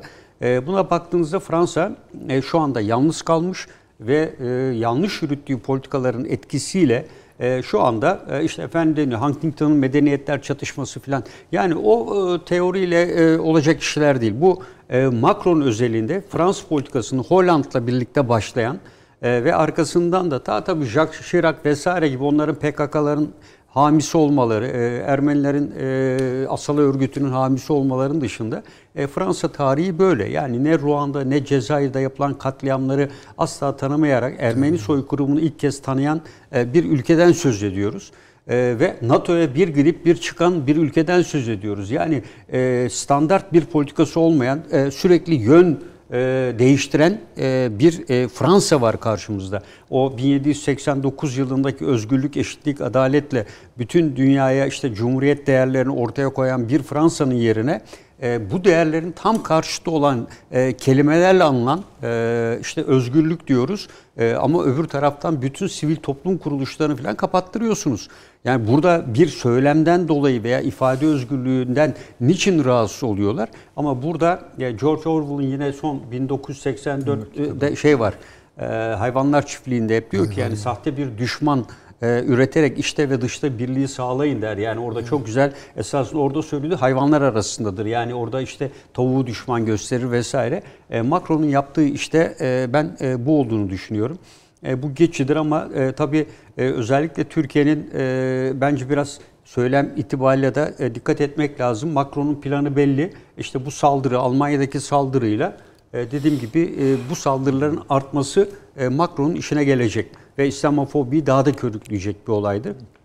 Yapılacak her bir saldırı Almanya'da Alman İslamı, Avusturya'da 1912 yılında çıkan İslam Kanunu vardı orada. Müslümanlara bütün ibadet hakkı veren 2015 yılında Avusturya'da bunu değiştirdi. Esasında Avusturya'da Müslümanlarla ilgili öyle bir olay yok. Ama Avrupa Birliği genelinde çıkan işte bu Avrupa İslamı kavramıyla birlikte her ülke e, kendi İslam'ını kendine göre oluşturmaya başlıyor. Böyle bir e, olay yok. Hiç Türkiye demiyor. Yani Katolikleri, e, Türkiye Katolikleri, Yunan Ortodoksları vesaire falan diye kavramlandırmıyor. Osmanlı İmparatorluğu da böyle bir şey asla tevessül etmemiştir. Etseydi şu anda bu coğrafyanın e, hemen hepsi e, Osmanlıca arkasından da belki Cumhuriyet ilanıyla sınırlar kalsaydı Türkçe konuşuyor olacaklardı. E, ben burada tabii bir şey daha etkili Buyurun, son buyurun. cümle olarak. Tabii. Avrupa Birliği dışı ilişkiler e, yüksek temsilcisi e, Borrell'in bir söylemi var. Eski imparatorluklar geri dönüyor. Evet. Bunlardan biri de. Türkiye'dir. Bence işte Avrupa'da e, Türkiye ile diğer konularda e, ciddi şekilde ilerlemesine veya e, bu bölgelerde faaliyet göstermesine engel olamayınca e, eski Osmanlı İmparatorluğu ve ondan evvelki işte e, aman Türkler geliyor kaçın vesaire gibi kavramlarla simgeleşen değerler üzerinden özellikle burada Müslümanlığı ve İslamiyet'i kullanarak e, Türklerin tekrar bu yaptıklarıyla eski bir Osmanlı İmparatorluğu hayalini yeniden canlandırmaya çalıştıklarını, e, bunun da e, Viyana kapıları demek olduğunu, Balkanlar demek olduğunu e, ve Avrupa'nın önemli bir kısmının kontrolü anlamına geldiğini ve giderek hocamın dediği yaşlanan bir Avrupa'da e, bunun çok olumsuz sonuçlarının olacağını e, ben değerlendirdiklerini düşünüyorum. Ediyorum paşam. Yalnız her şey Türkiye ile yani bitiriyoruz şimdi ama Türkiye ile Fransa arasında her şey kötü gitmiyor. Şimdi şöyle bir şey var. Yani bu hocam da paşam da söyledi. Bu Türkiye'de son zamanlarda Hatay üzerinde çok Evet. büyük o işte orman yangınlarından tut da işte oradan Fransız sızmalara, terörist sızmalarına kadar şey var. Mersin'de keza filan. Bütün bunların içeri arka planında e, Fransa neden olmasın diye düşünmemek elde değil yani. Birilerinin birilerini yüreklendiriyor olma. Yani adamlar bu havadan uçuş Evet. aletini nereden alıyorlar, alıp getiriyorlar bilmem ne. Ve, Evet. ve onu da e, ben yani e, bir arkadaşım iletti de e, bunun ciddi eğitimini almışlar ve güçlendirilmiş. Yani hiçbir bu tür bir motor yani ben de kendim de yamaç paraşütüyüm. E, Bunların da biz e, eğitimlerini uçarak görmedik ama yerde ne kadar gidebileceklerini gördük. E, Onların mesela kapasitesi ve ciddi bir ses çıkararak gelirler. Bunun sesini azaltmışlar. E, Ve uçuş kapasitesini, e, ağırlık taşıma kapasitesini çünkü iki kişi birden biniyor. Onu arttırmışlar. Bir de bunlar çok uzun mesafeye bu kadar gidemezler. Yani Memdiş'ten e, rakım yükseliyor e, Evet. dağlarına doğru.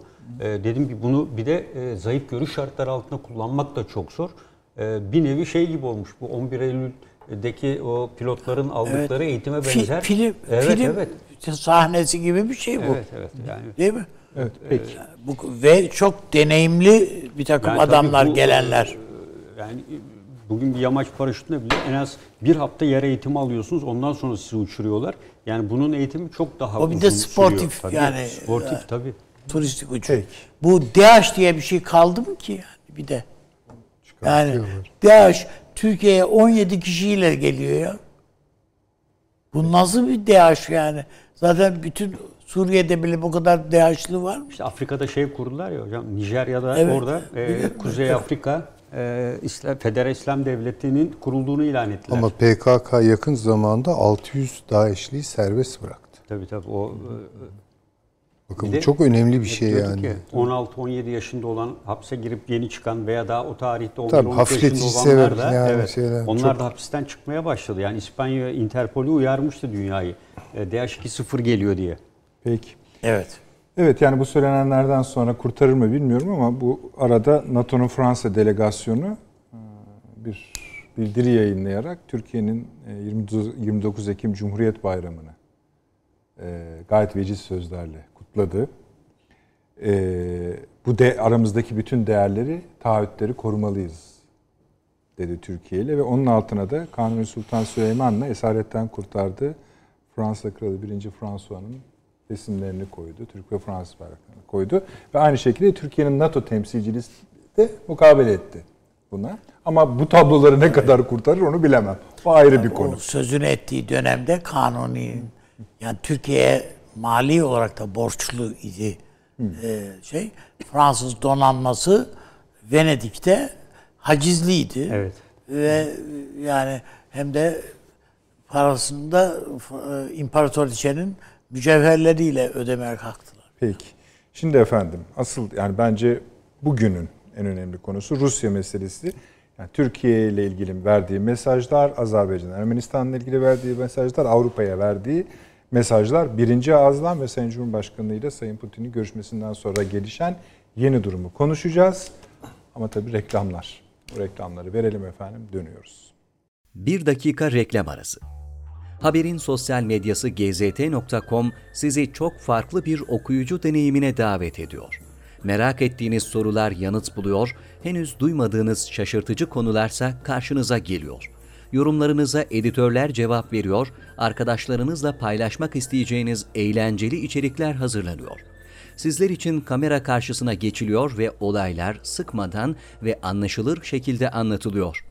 Özel infografikler, videoların yanı sıra burada sayamayacağımız sayıda farklı dergiler.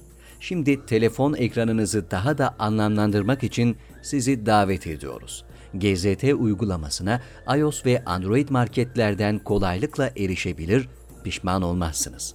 Mutlaka indirin. Reklam arası sona erdi. Rusya efendim onu konuşuyoruz. Putin'in açıklamaları, e, Ermenistan-Azerbaycan krizi, Türkiye ile ilişkiler, İdlib'i biz ekleyeceğiz ve Avrupa'ya bakış konusunda üst üste aynı konuşmada gayet ilginç ve yorumlanması gereken belki de bölge dengelerini değiştirebilecek kadar ilginç ifadeler kullandı. Sayın Cumhurbaşkanlarımızla yaptığı görüşmenin ardından geldi bu açıklamalar. Birincisi 5 artı 2 meselesinin şeklinde evet. şeyle konuşulması gerekir. Doğrudur dedi. Böylece ilk ağızlarından çıkan 5'e o 2'yi de eklemiş oldular. Masa meselesinde resmi olarak Dışişleri Bakanı ağzından Türkiye'yi istemediklerini söylemişlerdi. Ben mealen söyleyeyim. Türkiye olmaz herhalde falan diye söylüyorlardı ama şimdi bu da dönmüş oldu. Charlie Hebdo'da meselesinde de Türkiye'ye böyle bir şey zaten yok. Bizim evet. olmaz. Buyurun. Ee, her zamanki gibi Putin Avrupalı dost veya ona ümit bağlamış olan insanları açığa savurdu. Evet. Türkiye konusunda. Ee, son derece Türkiye'den ve Sayın Cumhurbaşkanlığına olan yakınlığına da şey yaparak, işaret ederek e, yana bir tavır sergiledi. Yani şunu söyleyebilir miyiz? Putin o derginin üzerinden Fransa'yı gömdü. Yani böyle. Ve bütün Müslüman kitleyi hem kendi ülkesindeki Müslüman Artı. Müslümanları hem de dünya Müslümanlarını gönlünü aldı yani en azından. Yani onu söyleyebiliriz. Siz yakın dönemde en azından, gerçi yakın dönem dediğinizin tamamında adam hakimdi evet. zaten, Putin hakimdi zaten ama hatırladığınız Sovyet döneminde bu tür ifadeleri hiç hatırlıyor musunuz? Şu, hayır, böyle bir ifade şimdiye kadar yok ama aksine bir ifade de yok. Yani Putin e, Rus Ortodoks değerlerine ne kadar sadıksa o kadar Müslüman kitleye de o denli saygılı. Yani öyle ki yani Moskova yani oradaki müftü bile e, müftünün filan bile e, Putin'den yana hiçbir şeyi rahatsızlığı bugüne kadar olmadı. E, o açıdan yani Rusya dünyada en fazla Müslüman nüfusu barın şey sahip ülkelerden birisi. Yani Türkiye'den falan daha fazla tabiatıyla orada. Müslüman nüfus. Ee, o bakımdan yani neredeyse e, İslam Teşkilatı'nın başkan falan oynayacak kadar e zaten hali hazırdaki başkanları bir şey yapmadıkları için. Ha tabii tabii tabii. Orası doğru. Ee, ama bunun da ötesinde Rusya'ya hem Suudi Arabistan falan ziyaret ettiler biliyorsunuz. Hepsi Putin'i ikna gezileri yapıldı yani. İşte en son siz söylediniz Mısır e, Dışişleri Bakanı falan da orada. E, hiç e, Putin'le görüşemedi. Mısır Dışişleri Bakanı. Yani e, oradaki işte Lavrov'la falan yani orada o, o seviyede. falan. Ama evet. Su-25'leri almadığı için Amerika'nın şeyle e, durdurdular alımı. Ondan dolayı o zaman da kızmıştı Putin. E, niye almıyorsunuz demişti. Su-25'lerde söz. Ha, tamam o da doğru. evet. Doğru.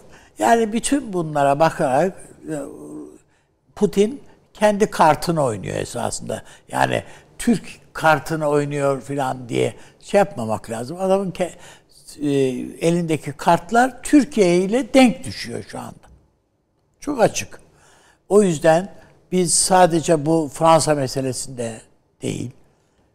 Suriye meselesinde de ki esas Türkiye Sayın Cumhurbaşkanımızla konuşmasının ağırlığını Suriye'nin oluşturduğunu biliyoruz. Suriye meselesinde de Doğu Akdeniz meselesinde de ve keza Libya meselesinde de Türkiye ile yan yana yürüyeceğini her vurgulaya geldik. Yürüme eğilim öyle işaretler onu gösterdiğini ve bu bu kanaati değiştirecek bir şey şu an için yok ortada. Rusya'nın kendi zorlukları var. Bu zorlukların bir kısmını Türkiye üzerinden de aşma imkanı var, şa- şansı var. Ee, burada Rusya'nın en fazla sıkıntılandığı işte bu Ukrayna'nın e, durumu, pozisyonu, Türkiye'nin Karadeniz'deki hakimiyeti veyahut da Rusya'nın Karadeniz üzerine bakışında Türkiye ile yan yana durma arzusu, eğilimi. Yani bütün bunlar iki ülkeyi e, yan yana getiriyor. Bir tek e, Rusya'nın kendince sebeplerle yani tarihsel şeylere atıyorlar. Halbuki Osmanlı tarihi diye bakarsak orada biz de farklı şeyler söyleyebiliriz. Ama kendince tarihsel sebeplerle bir üstten bakıcı bir bakan bir şey var. Bir siyaseti var ve bir dili var falan. Ee, yani bir bunu buna eğer ses çıkarmazsanız yani bunu yani tamam sen büyüksün dediğiniz sürece Rusya'nın buna çok fazla bir itirazı yok. Ama Amerika'nın bu bölgede hala ve hala e, Rusya ile hesabının kapanmadığını, o defterin kapanmadığını Rusya farkında yani. Ve o yüzden Amerika ile mesafesini ki her an, her zaman için açan, gelecekte yakın gelecekte de açması, daha da açması kuvvetle muhtemel bir Türkiye, Rusya'nın e, hiç şüphe yok ki e, önemseyeceği bir Türkiye'dir bu manada. Yani sıkı sıkıya NATO'ya bağlı, Amerika'nın e, efendim uzantısı bir Türkiye'den bugünkü Türkiye'ye gelindiğinde hangisi dediğinde şüphesiz bugünkü Türkiye'dir Rusya için önemli olan. Ee, Azerbaycan'ın öne e, ile Türkiye'nin e, ilişkilerindeki şu Ermenistan meselesindeki e, gerilimlere rağmen e, bu güçlü bir bağ Azerbaycan'la kurmuş olması Ankara'nın Rusya'yı ziyaret rahatsız ettiğinin bir işareti görülmüyor şu anda. Yani bu Azerbaycan'ın önemini Rusya'nın da bildiğini ha bu burada bir paylaşım meselesi var. Türkiye'nin bu paylaşımda pay, yani ağırlığını hissettirdiğini Rusya kabullenmiş gözüküyor açıkçası. Yani kendi arka bahçesini Türkiye ile paylaştı. Bu, bu çok açık. Yoksa bir başka ülkede sizin savaş uçaklarınız duruyor yani F-16'lar. Ve Azerbaycan Devlet Başkanı yani gerekirse bunları havada da görürsünüz ha dedi. Buna Rusya gibi bir devletin hani Avrupa'nın zaten çok buna bir yalnız Avrupa'da da bunu işitme duyulmazlığa geldiler. Enteresan bir şey değil mi? Yani ne, ne arıyor bunlar hakikaten falan ve demedi. Ve hatta Aliyev'e sen nasıl böyle şeyler söylüyorsun falan demedi. Yani ama en önemlisi Rusya buna karşı çıkmadı. Belli ki Ankara burada veya baş, buna benzer tek bir bu, bu Azerbaycan'la ilgili boyutuyla değil, Rusya ile daha geniş kapsamlı bir mutabakat içinde hareket etmiş olması kuvvetle muhtemeldir. Yani bir tek Azerbaycan daha önceden de yani, yani Suriye ile ilgili olarak. Hı hı. Keza Libya ile ilgili olarak yani artık ülkeler arasında anlaşmaların tek ayaklı yapılmadığını bir döneme girdik. Yani e, orada bunu yapıyorsan burada da bunu yap falan gibi yani şeye e, e, masaya yani serpme kahvaltı gibi geliyor zaten sorunlar. O yüzden, o yüzden ben e, Türkiye'nin Rusya ile hem koruması gereken bir ilişki ağı içerisinde olduğunu düşünüyorum. Burada mesela Lavrov'a rağmen bazı şeyler gelişiyor. Geliştiği anlaşılıyor yani. Putin'in ira- iradesi burada. Çünkü Lavrov'a kalsa Türkiye bu Azerbaycan işinde yaya kalırdı yani. Hiç e, daha sert bir takım şeylerle e, Moskova'nın tepkileriyle e, yüz yüze gelebilirdik. Ya da Ermenistan adına ne kurtarsam ka- kârdır mantığıyla hareket edecek bir Rusya. Yani Ermenistan lehine ne kurtarırsak kârdır e, diye yaklaşacak bir Rusya çıkabilirdi karşımıza. Ama oysa öyle değil şimdi. Yani Azerbaycan'ın e, yani üstelik de batılı bir takım temsilciler bugünkü saldırıyı o temsilciler e, gezi gezi halindeyken yani gö- gözlemler sırasında bu saldırı e, Oluyor. bu misket bombaları filan filan hepsinin ta- şahit olduğu bir şey oldu. O bakımdan ben e, Ankara'nın inşallah böyle devam eder Rusya ile ilişkiler. O zaman şunu da ekleyelim de biraz zamandan tasarruf etmeye çalışalım. Ee, Suriye mutabakatı konusunda İdlib meselesi için ne söylersiniz? Şu, yani Ankara bir takım şeylerini geri çekti.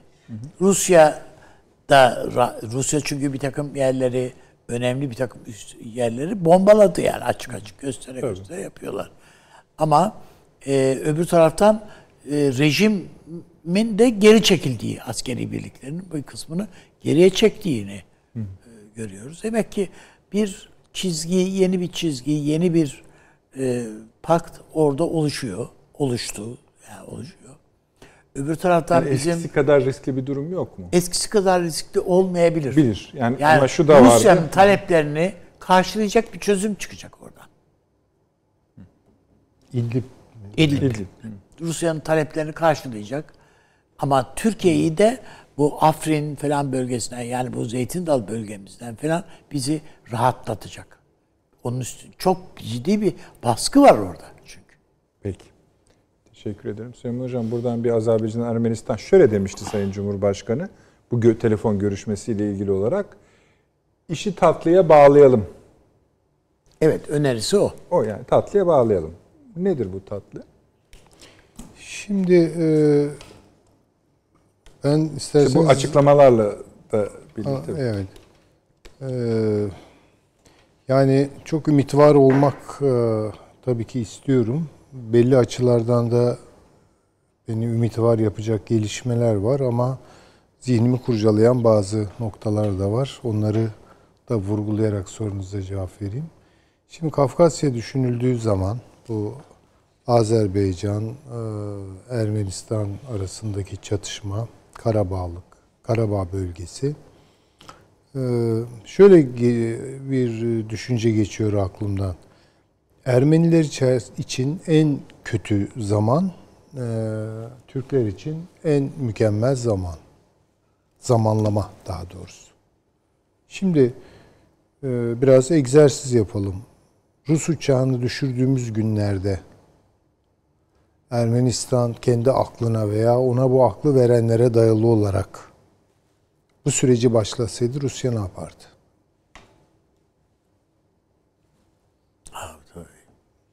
Rus tanklarını hiç görmek istemediğimiz yerlerde görürdük yani. Bunu yaparlardı. Fakat yapmadılar şimdi. Bir kere şu ortaya çıkıyor.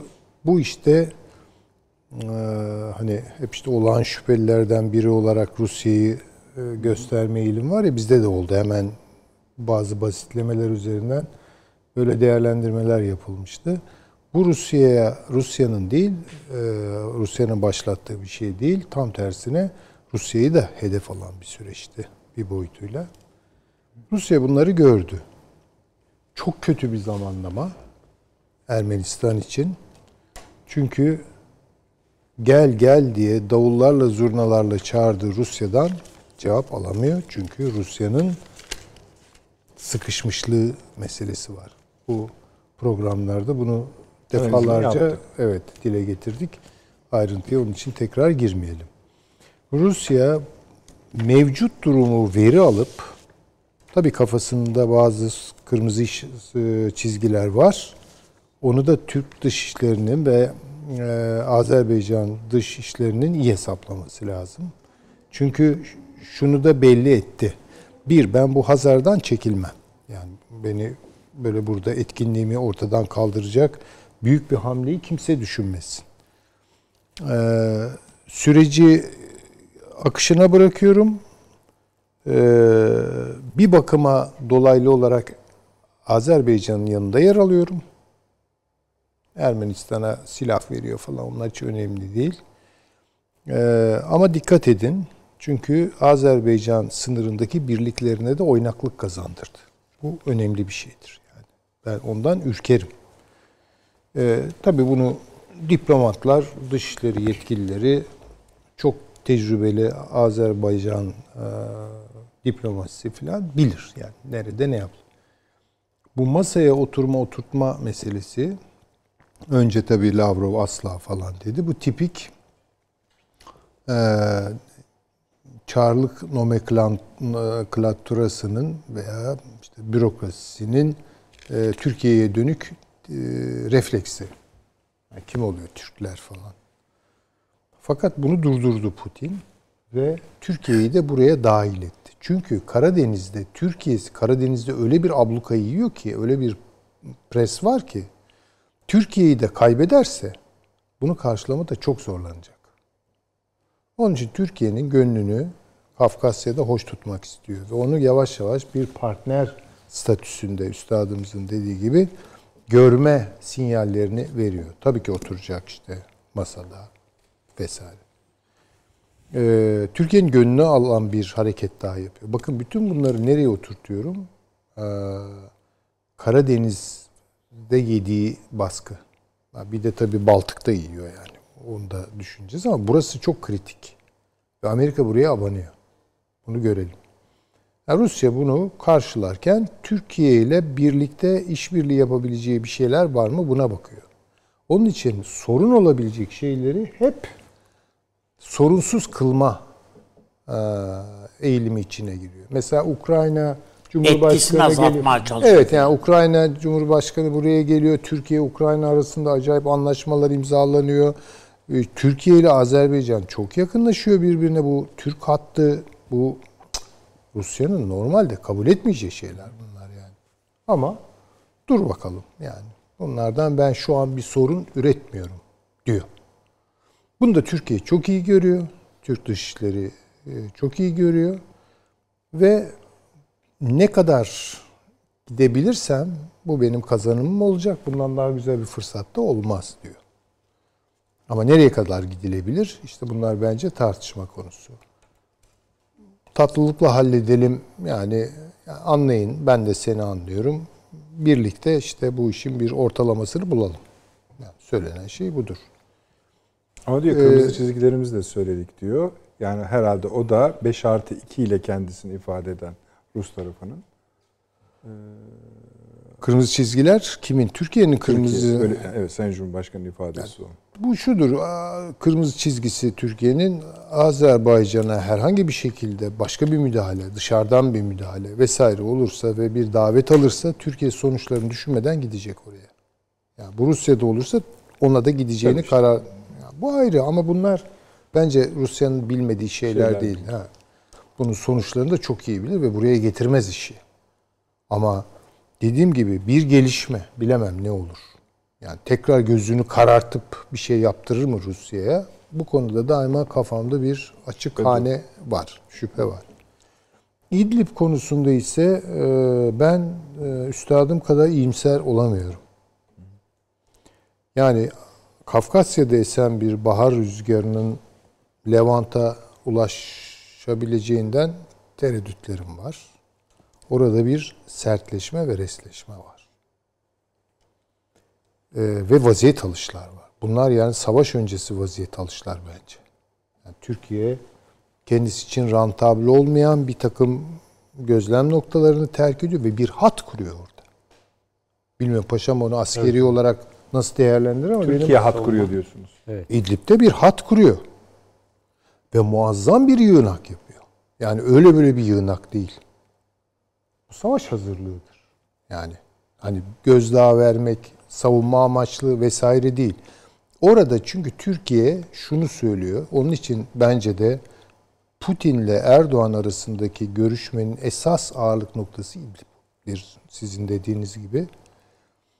Ee, Burada tansiyonu nasıl düşürebiliriz? Mümkün mü değil mi? Bunu bir tarttılar taraflar. Ama gidişat, sahadaki gidişat tırmanma. Yani Rus uçakları cayır cayır bombalıyor. Şimdi haberleri bunun Öyle doğrudan Doğru. geliyor yani. Doğru.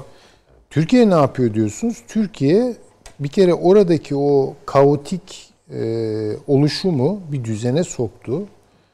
E, bir milli ordu çıkardı orada. Yani zararlı unsurları bir kere zaten karargahını falan bombalıyor hocam. işte orayı bombalıyor Rusya ama. Tabii bekleyip yani- toplantı halindeyken falan yani. Yani Hani ve böyle 50 Eğitimde. kişi 100 kişi falan ölüyor yani. Bunlar pek hayra alamet değil, Değil, benim gördüğüm kadarıyla.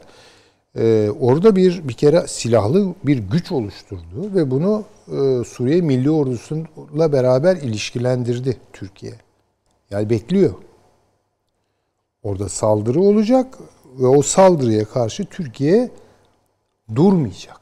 Bakın başka boyutları var bu işin. Ama nereye kadar gidecek durmayacak Türkiye? dediğiniz değil. Yani böyle oturup orada yani. savunma yapacağım. Yani Şunu düş- düşünür müsünüz hocam?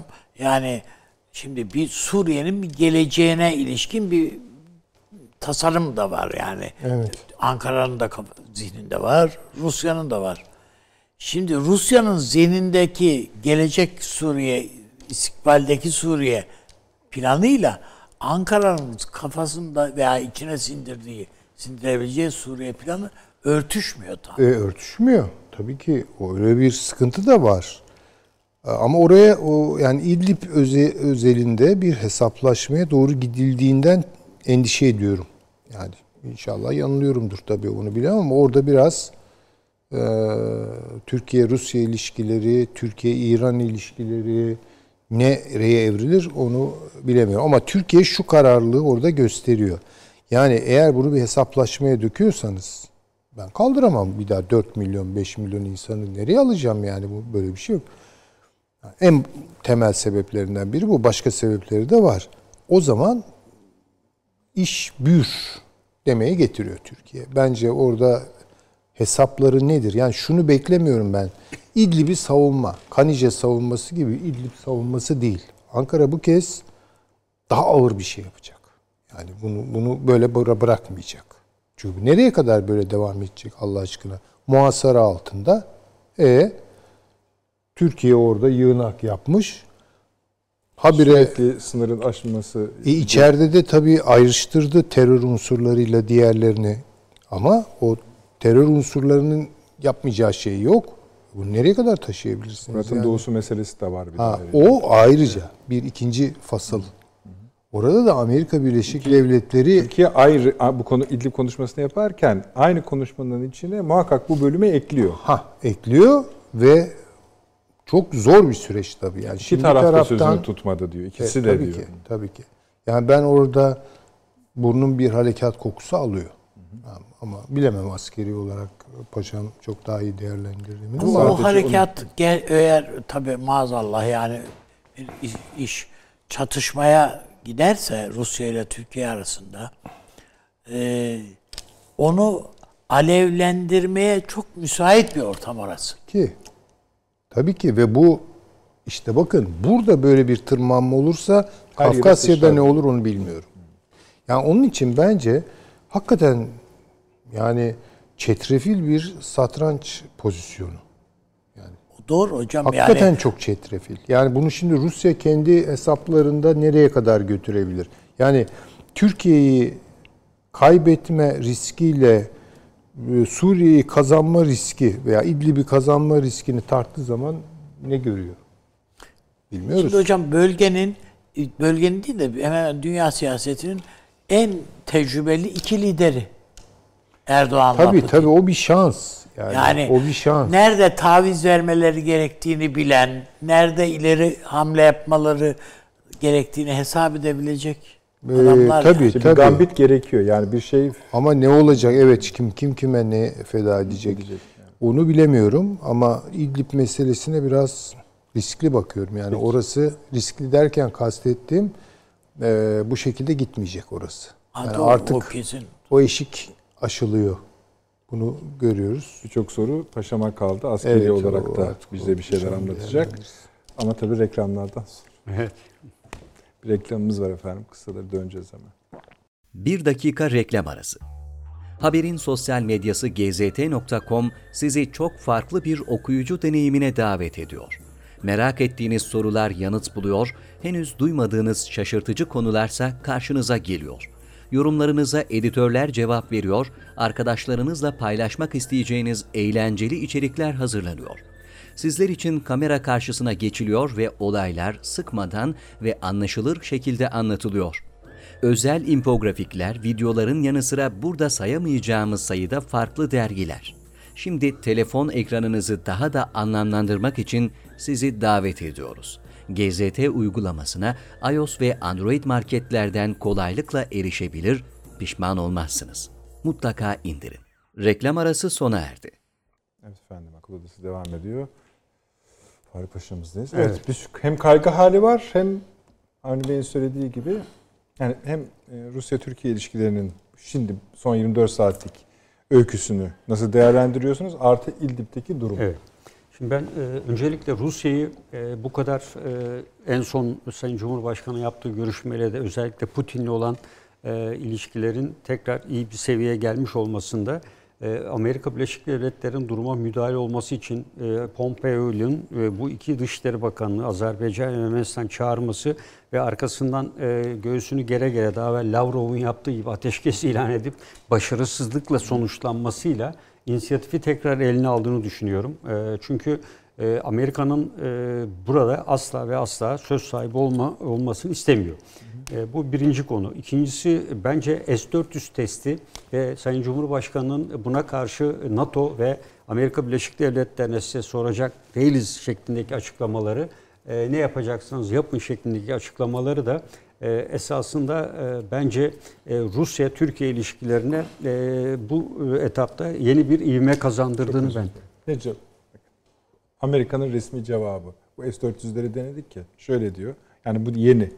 ABD Türkiye'yi Rus S-400 füze savunma sistemini aktif hale getirme yönünde başka adım atmaması yönünde uydu.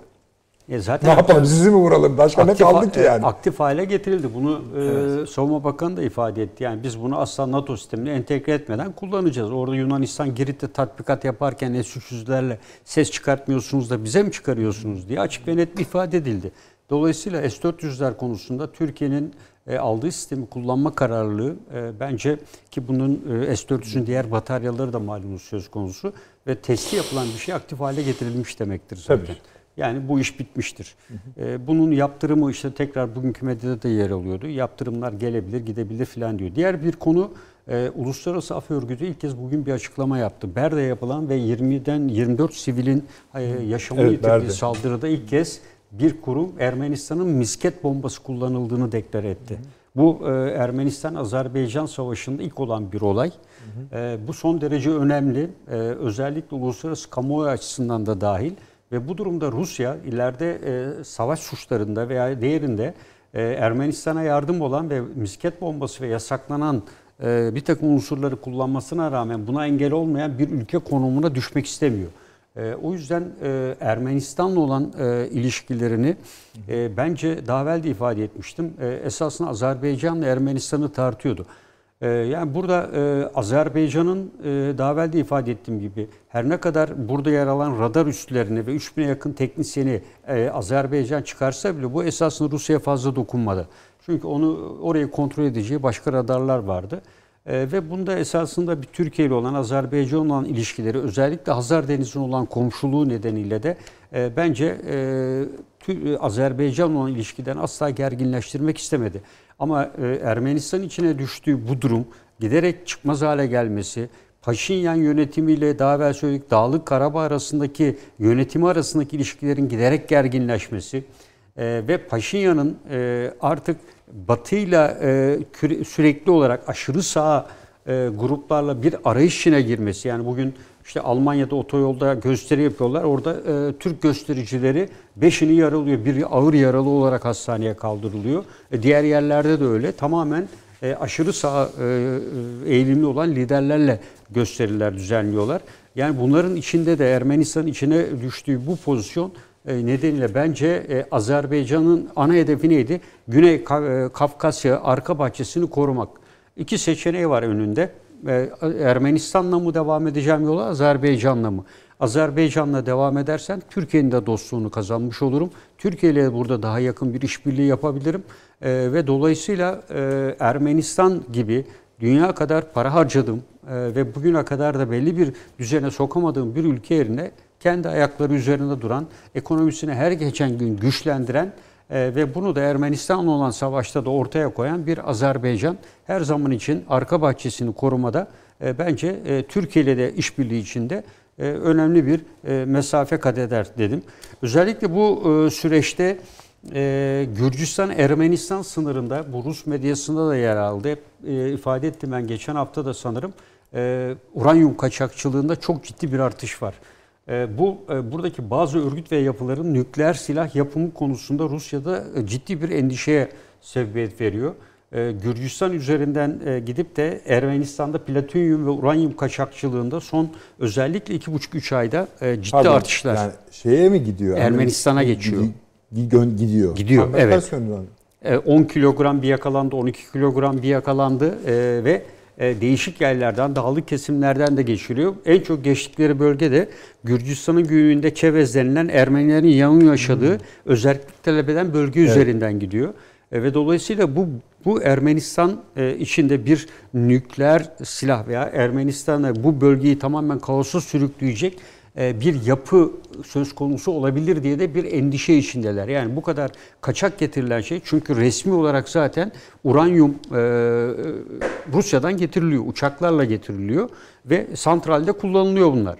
Bunun ötesinde bütün buna rağmen bu kaçak girenler burada kullanılmayacağına göre ve bunların büyük bir kısmı da zenginleştirilmiş.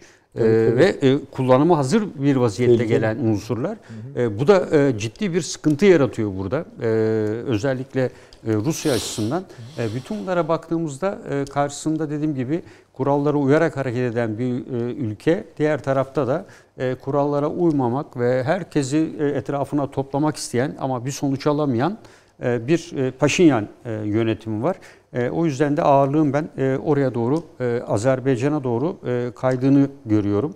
E, Yine Rusya Minsk grubundan da tamamen e, ümidi kesti. Yani bunun dışında tek başına asla bu grup zaten toplanmadı. Bireysel inisiyatifler kullanılmaya çalışıldı. Ve Rusya burada da yine dediğim gibi özellikle Karadeniz'de etrafa bakıldığı takdirde S-400 testi bence e, Rusya'ya e, bir ışık yaktı. E, ve Türkiye'nin en uzun selam. e, Oraya kıyıya sahip gönderdiği bir Evet, selam. Karadeniz e, kıyısıyla bir çevreleme e, NATO'nun yapmasının artık pek mümkün olmayacağını da ifade etti. Yani Türkiye muhtemeldir ki e, istediği yere konuşlandırabilir ama e, bunun e, en çok kullanılması muhtemel olan bölge e, bu bölgelerdir. Çünkü e, NATO'ya göre kullanmayacağına göre gidip bunu Yunanistan sınırına elbette koyabilirsiniz bir harekat sırasında. Bunlar mobil e, ama e, oraya koyduğunuz zaman otomatikman e, bir NATO ülkesine karşı bunu e, kullanacağınız anlamına taşır. E, bu yüzden de bence e, Sinop'ta yapılan test e, Rusya-Türkiye ilişkilerinde e, bence yeni bir e, evrenin de e, başlangıcı olduğunu düşünüyorum. Ayrıca Türkiye'nin e, Savunma Bakanı dün Kazakistan'a gitti. E, Hazar Denizi etrafındaki sözleşmelerde e, Kazakistan'la olan işbirliğinin e, arttırılması da bence son derece önemli. E, Hazar Denizi kıyısı bulunan ülkeler açısından önemli. E, bu da e, bu istikrar için Rusya açısından son derece önemli. Yani Türkiye'nin Türk Konseyi ülkeleriyle olan ilişkisinin de güç giderek güçlendiğini çünkü en sonunda Türk Konseyi de bir açıklama yapmak zorunda kaldı. Ülkeler ayrı ayrı yaptı, yapmaya da başladılar. E, bu da önemli. Yani Rusya'nın e, Orta e, Asya'da e, Çin'in artan rekabetine karşı Tacikistan, Kırgızistan gibi ülkelere karşı E, ancak buralarda Türkiye vasıtasıyla da yine e, eski e, otoritesini sağlayabilir diye e, düşünülüyor. E, evet, e, burada e, tabii e, İdlib buradan Paşa. İdlib'e geldiğimizde bunu şunun ileride nelere gelebilir bu? E, özellikle e, Türkiye'nin güneyinde e, işte İdlib'de dahil Suriye'de ve Irak'ta e, bize komşu olan bir Rusya'dan artık söz edeceğiz. Irak'ta ge- geçen e, sa- saatte ifade etmiştik. Burada özellikle Kuzey Irak'ta Rusya'nın e, çok ciddi yatırımlarının olduğunu, e, petrol boru hattına hisse senedi alarak Türkiye'den geçen ortak olduğunu, enerji altyapısıyla Gazprom ve diğer sistemlerle e, ciddi enerji altyapı tesisleri kurduğunu ve çok anlaşma imzaladığını biliyoruz. Bu bunların korunması için de burada yeteri kadar güç de getireceği anlamı da taşıyabilir. E, diğer tarafta da e, yine Suriye'de e, İdlib tarafında da Türkiye ile yine komşu. E, dolayısıyla baktığımız zaman e, bu ileride e, Akdeniz'de de hakim olabilmesi için örneğin Mısır'da bunu e, imkan bulamadı üs elde etmek için. Libya'da da bulamadı. Bu daha evvel de söyledik. Kıbrıs'ta niye olmasına kadar gidebilir. Bu yüzden de Doğu Akdeniz'de de hakim olabilmesinin yolu sadece Laskiye limanında kuvvet bulundurmasından geçmiyor. Doğu Akdeniz'in daha stratejik açıdan e, kontrol altında tutabilen e, bir e, yerdir. Bu da tek başına hem Kızıldeniz çıkışını hem İsrail'i hem diğer tarafı kontrol eden Kıbrıs'tır. E, İdlib'e geldiğimizde e, bence İdlib'den e, İdlib'den önce e, Fırat'ın doğusunda e, bunu Sayın Cumhurbaşkanı da ifade etti. E, ben e, özellikle bu bölgede Fırat'ın e, hemen doğusuyla Barış e, Pınarı e, Harekatı bölgesi arasında kalan alanda bekliyorum. Yani o bölge için. Çünkü diğer tarafa gittiğiniz zaman Kamışlı'da Amerika Birleşik Devletleri Türkiye'nin bu olası e, tehdit e, değerlendirmesini ve kuvvet yığmasını bildiği için Kamışlı'ya en son gönderilen kuvvetler ve bir takım harp araçlarının e, takviyelerin Türkiye'nin olası bir harekatını engellemeye yönelik girişim olarak düşünüyorum. Çünkü bu bölgeye efendim ikide bir Ruslarla zırhlı araçların karşılıklı çatışmasından ziyade e, Kamışlı bölgesinin petrol bölgesi olması e, ve buranın eğer bu bölgede bir yer ele geçirilecekse önceliğin e, burası olduğu aşikar. E, Buranın en büyük özelliği de tabii e, Kuzey e, Irak bölgesine de olan e, yakın. Eğer Türkiye bu bölgeye girerse aynı zamanda Amerika'nın e, Irak'ın kuzeyiyle e, bu bölge arasındaki birleşmeyi de ciddi bir şekilde engeller. E, o yüzden oraya bir kuvvet getirerek monte etmeye çalıştı. Şu anda e, en zayıf olan bölge ki bugünkü işte üç terörist gene ölüyle geçirildi. O Fırat'ın doğusu yani Membiş'le şu anda Türkiye'nin kontrolünde olan M4 Karayolu'nun kuzeyindeki alan. E, bu alanın e, mutlaka e, Türkiye'nin kontrolü altına girmesi gerekir. E, çünkü Kamışlı'da o inisiyatifi kaybettiğimizi düşünüyorum. E, buraya kuvvet getirerek. E, ama bu bölge boş. Yani Rusya'nın da bu bölgeyi e, kullandığı yok. Türkiye de bunu mutlaka değerlendirecektir diye düşünüyorum. E, bu bölgeyi eğer kontrol ettiğimiz takdirde bizim e, Fırat'ın batısında kontrol etme imkanımız artacaktır. E, çünkü e, bu bölgeyle birlikte e, Fransa'nın, şey, Rusya'nın ve Amerika'nın her ikisinde mutabakatta kendilerine verilen görevi yerine getirmediklerini biliyoruz. E, bu bir seçenek olabilir. Tabi buradaki e, M4'ün güneyindeki gözlem noktaları biz de hep başından beri diyorduk. Yani burada bunlar yer almamalı. Bunlar e, tamamen e, Rusya'nın e, kontrolünde ikmal lojistik faaliyetlerinin yapıldığını biliyoruz. Yani Rusya'nın e, herhangi bir yaralı olduğunda veya e, hasta olduğunda Rusya'ya bilgi verilerek bu üç gözlem noktasından tahliyeler yapılabiliyordu. E, bu çok riskli bir durumdu. E, ve Türkiye'de e, İdlib konusunda gerginliğin giderek tırmandığını düşünerek bunları M4 karayolunun ötesine çekmiş olabilir. Ee, ikincisi de e, Rusya ile e, Kafkasya'daki gelişmeler karşılığında özellikle Libya'da e, ki Sayın Cumhurbaşkanı da ifade etti yani bir anlaşma oldu ama ne olduğunu göreceğiz e, demesiyle biraz sanki Türkiye ile Rusya'nın her ikisinin de Libya sürecinde dışlandığı ve dışa atılmak üzere olduğu gibi bir durum oluşmaya başladı. E, Bütün bunların e, dikkate aldığımızda Kafkasya, Libya, e, Irak'ın kuzeyi, Doğu Akdeniz meseleleri İdlib bölgesi hakikaten son derece gergin. Çok dar bir alanda e, M4 karayolunu kabul edersek güneyinden bir 10 kilometre güneye doğru Suriye rejim askerleri, İran, Hizbullah, Burada Rusya'nın danışmanları var. Yani kara gücü yok burada esasında. Ama öbür tarafında işte Suriye Milli Ordusu'nun başka taraflarda olmayan güçlerin hemen hemen hepsi orada, İdlib'de. Bir kısmı e, Barış Pınarı Harekat Bölgesi'nde, bir kısmı Afrin'de e, ama karargahları e, o bölgede ve orada eğitim yapıyorlar. Bu faaliyetleri sürdürüyorlar. Türkiye'de yakın olduğu için lojistik destekleri de oradan sağlanabiliyordu.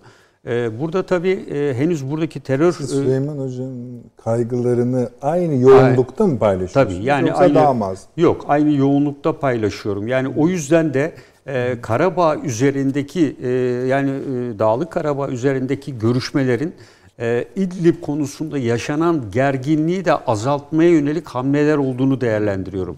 Yani e, oradaki gerginlik öyle bir noktaya geldi ki artık her iki taraf e, parmakları ısırmaya başladılar. Çünkü e, Türkiye'nin bu kadar eğittiği, yetiştirdiği, maddi ve manevi birçok destek sağladığı Suriye Milli Ordusu'nu gidip eğitim alanındayken 74 veya 80 civarı kişiyi katletmek e, bu e, Türkiye'yi tam anlamıyla karşıya almak demektir. Bunlar terör örgütü, El Nusra olsa olabilir, bir başkasına belki yönelmiş olabilir ama Türkiye'nin yetiştirdiği gruplara yönelik ki bunu e, yapan da Esad güçleridir. Yani onlar sürekli olarak bu grubu hedef olarak alınmasını istiyorlardı Rusya'dan.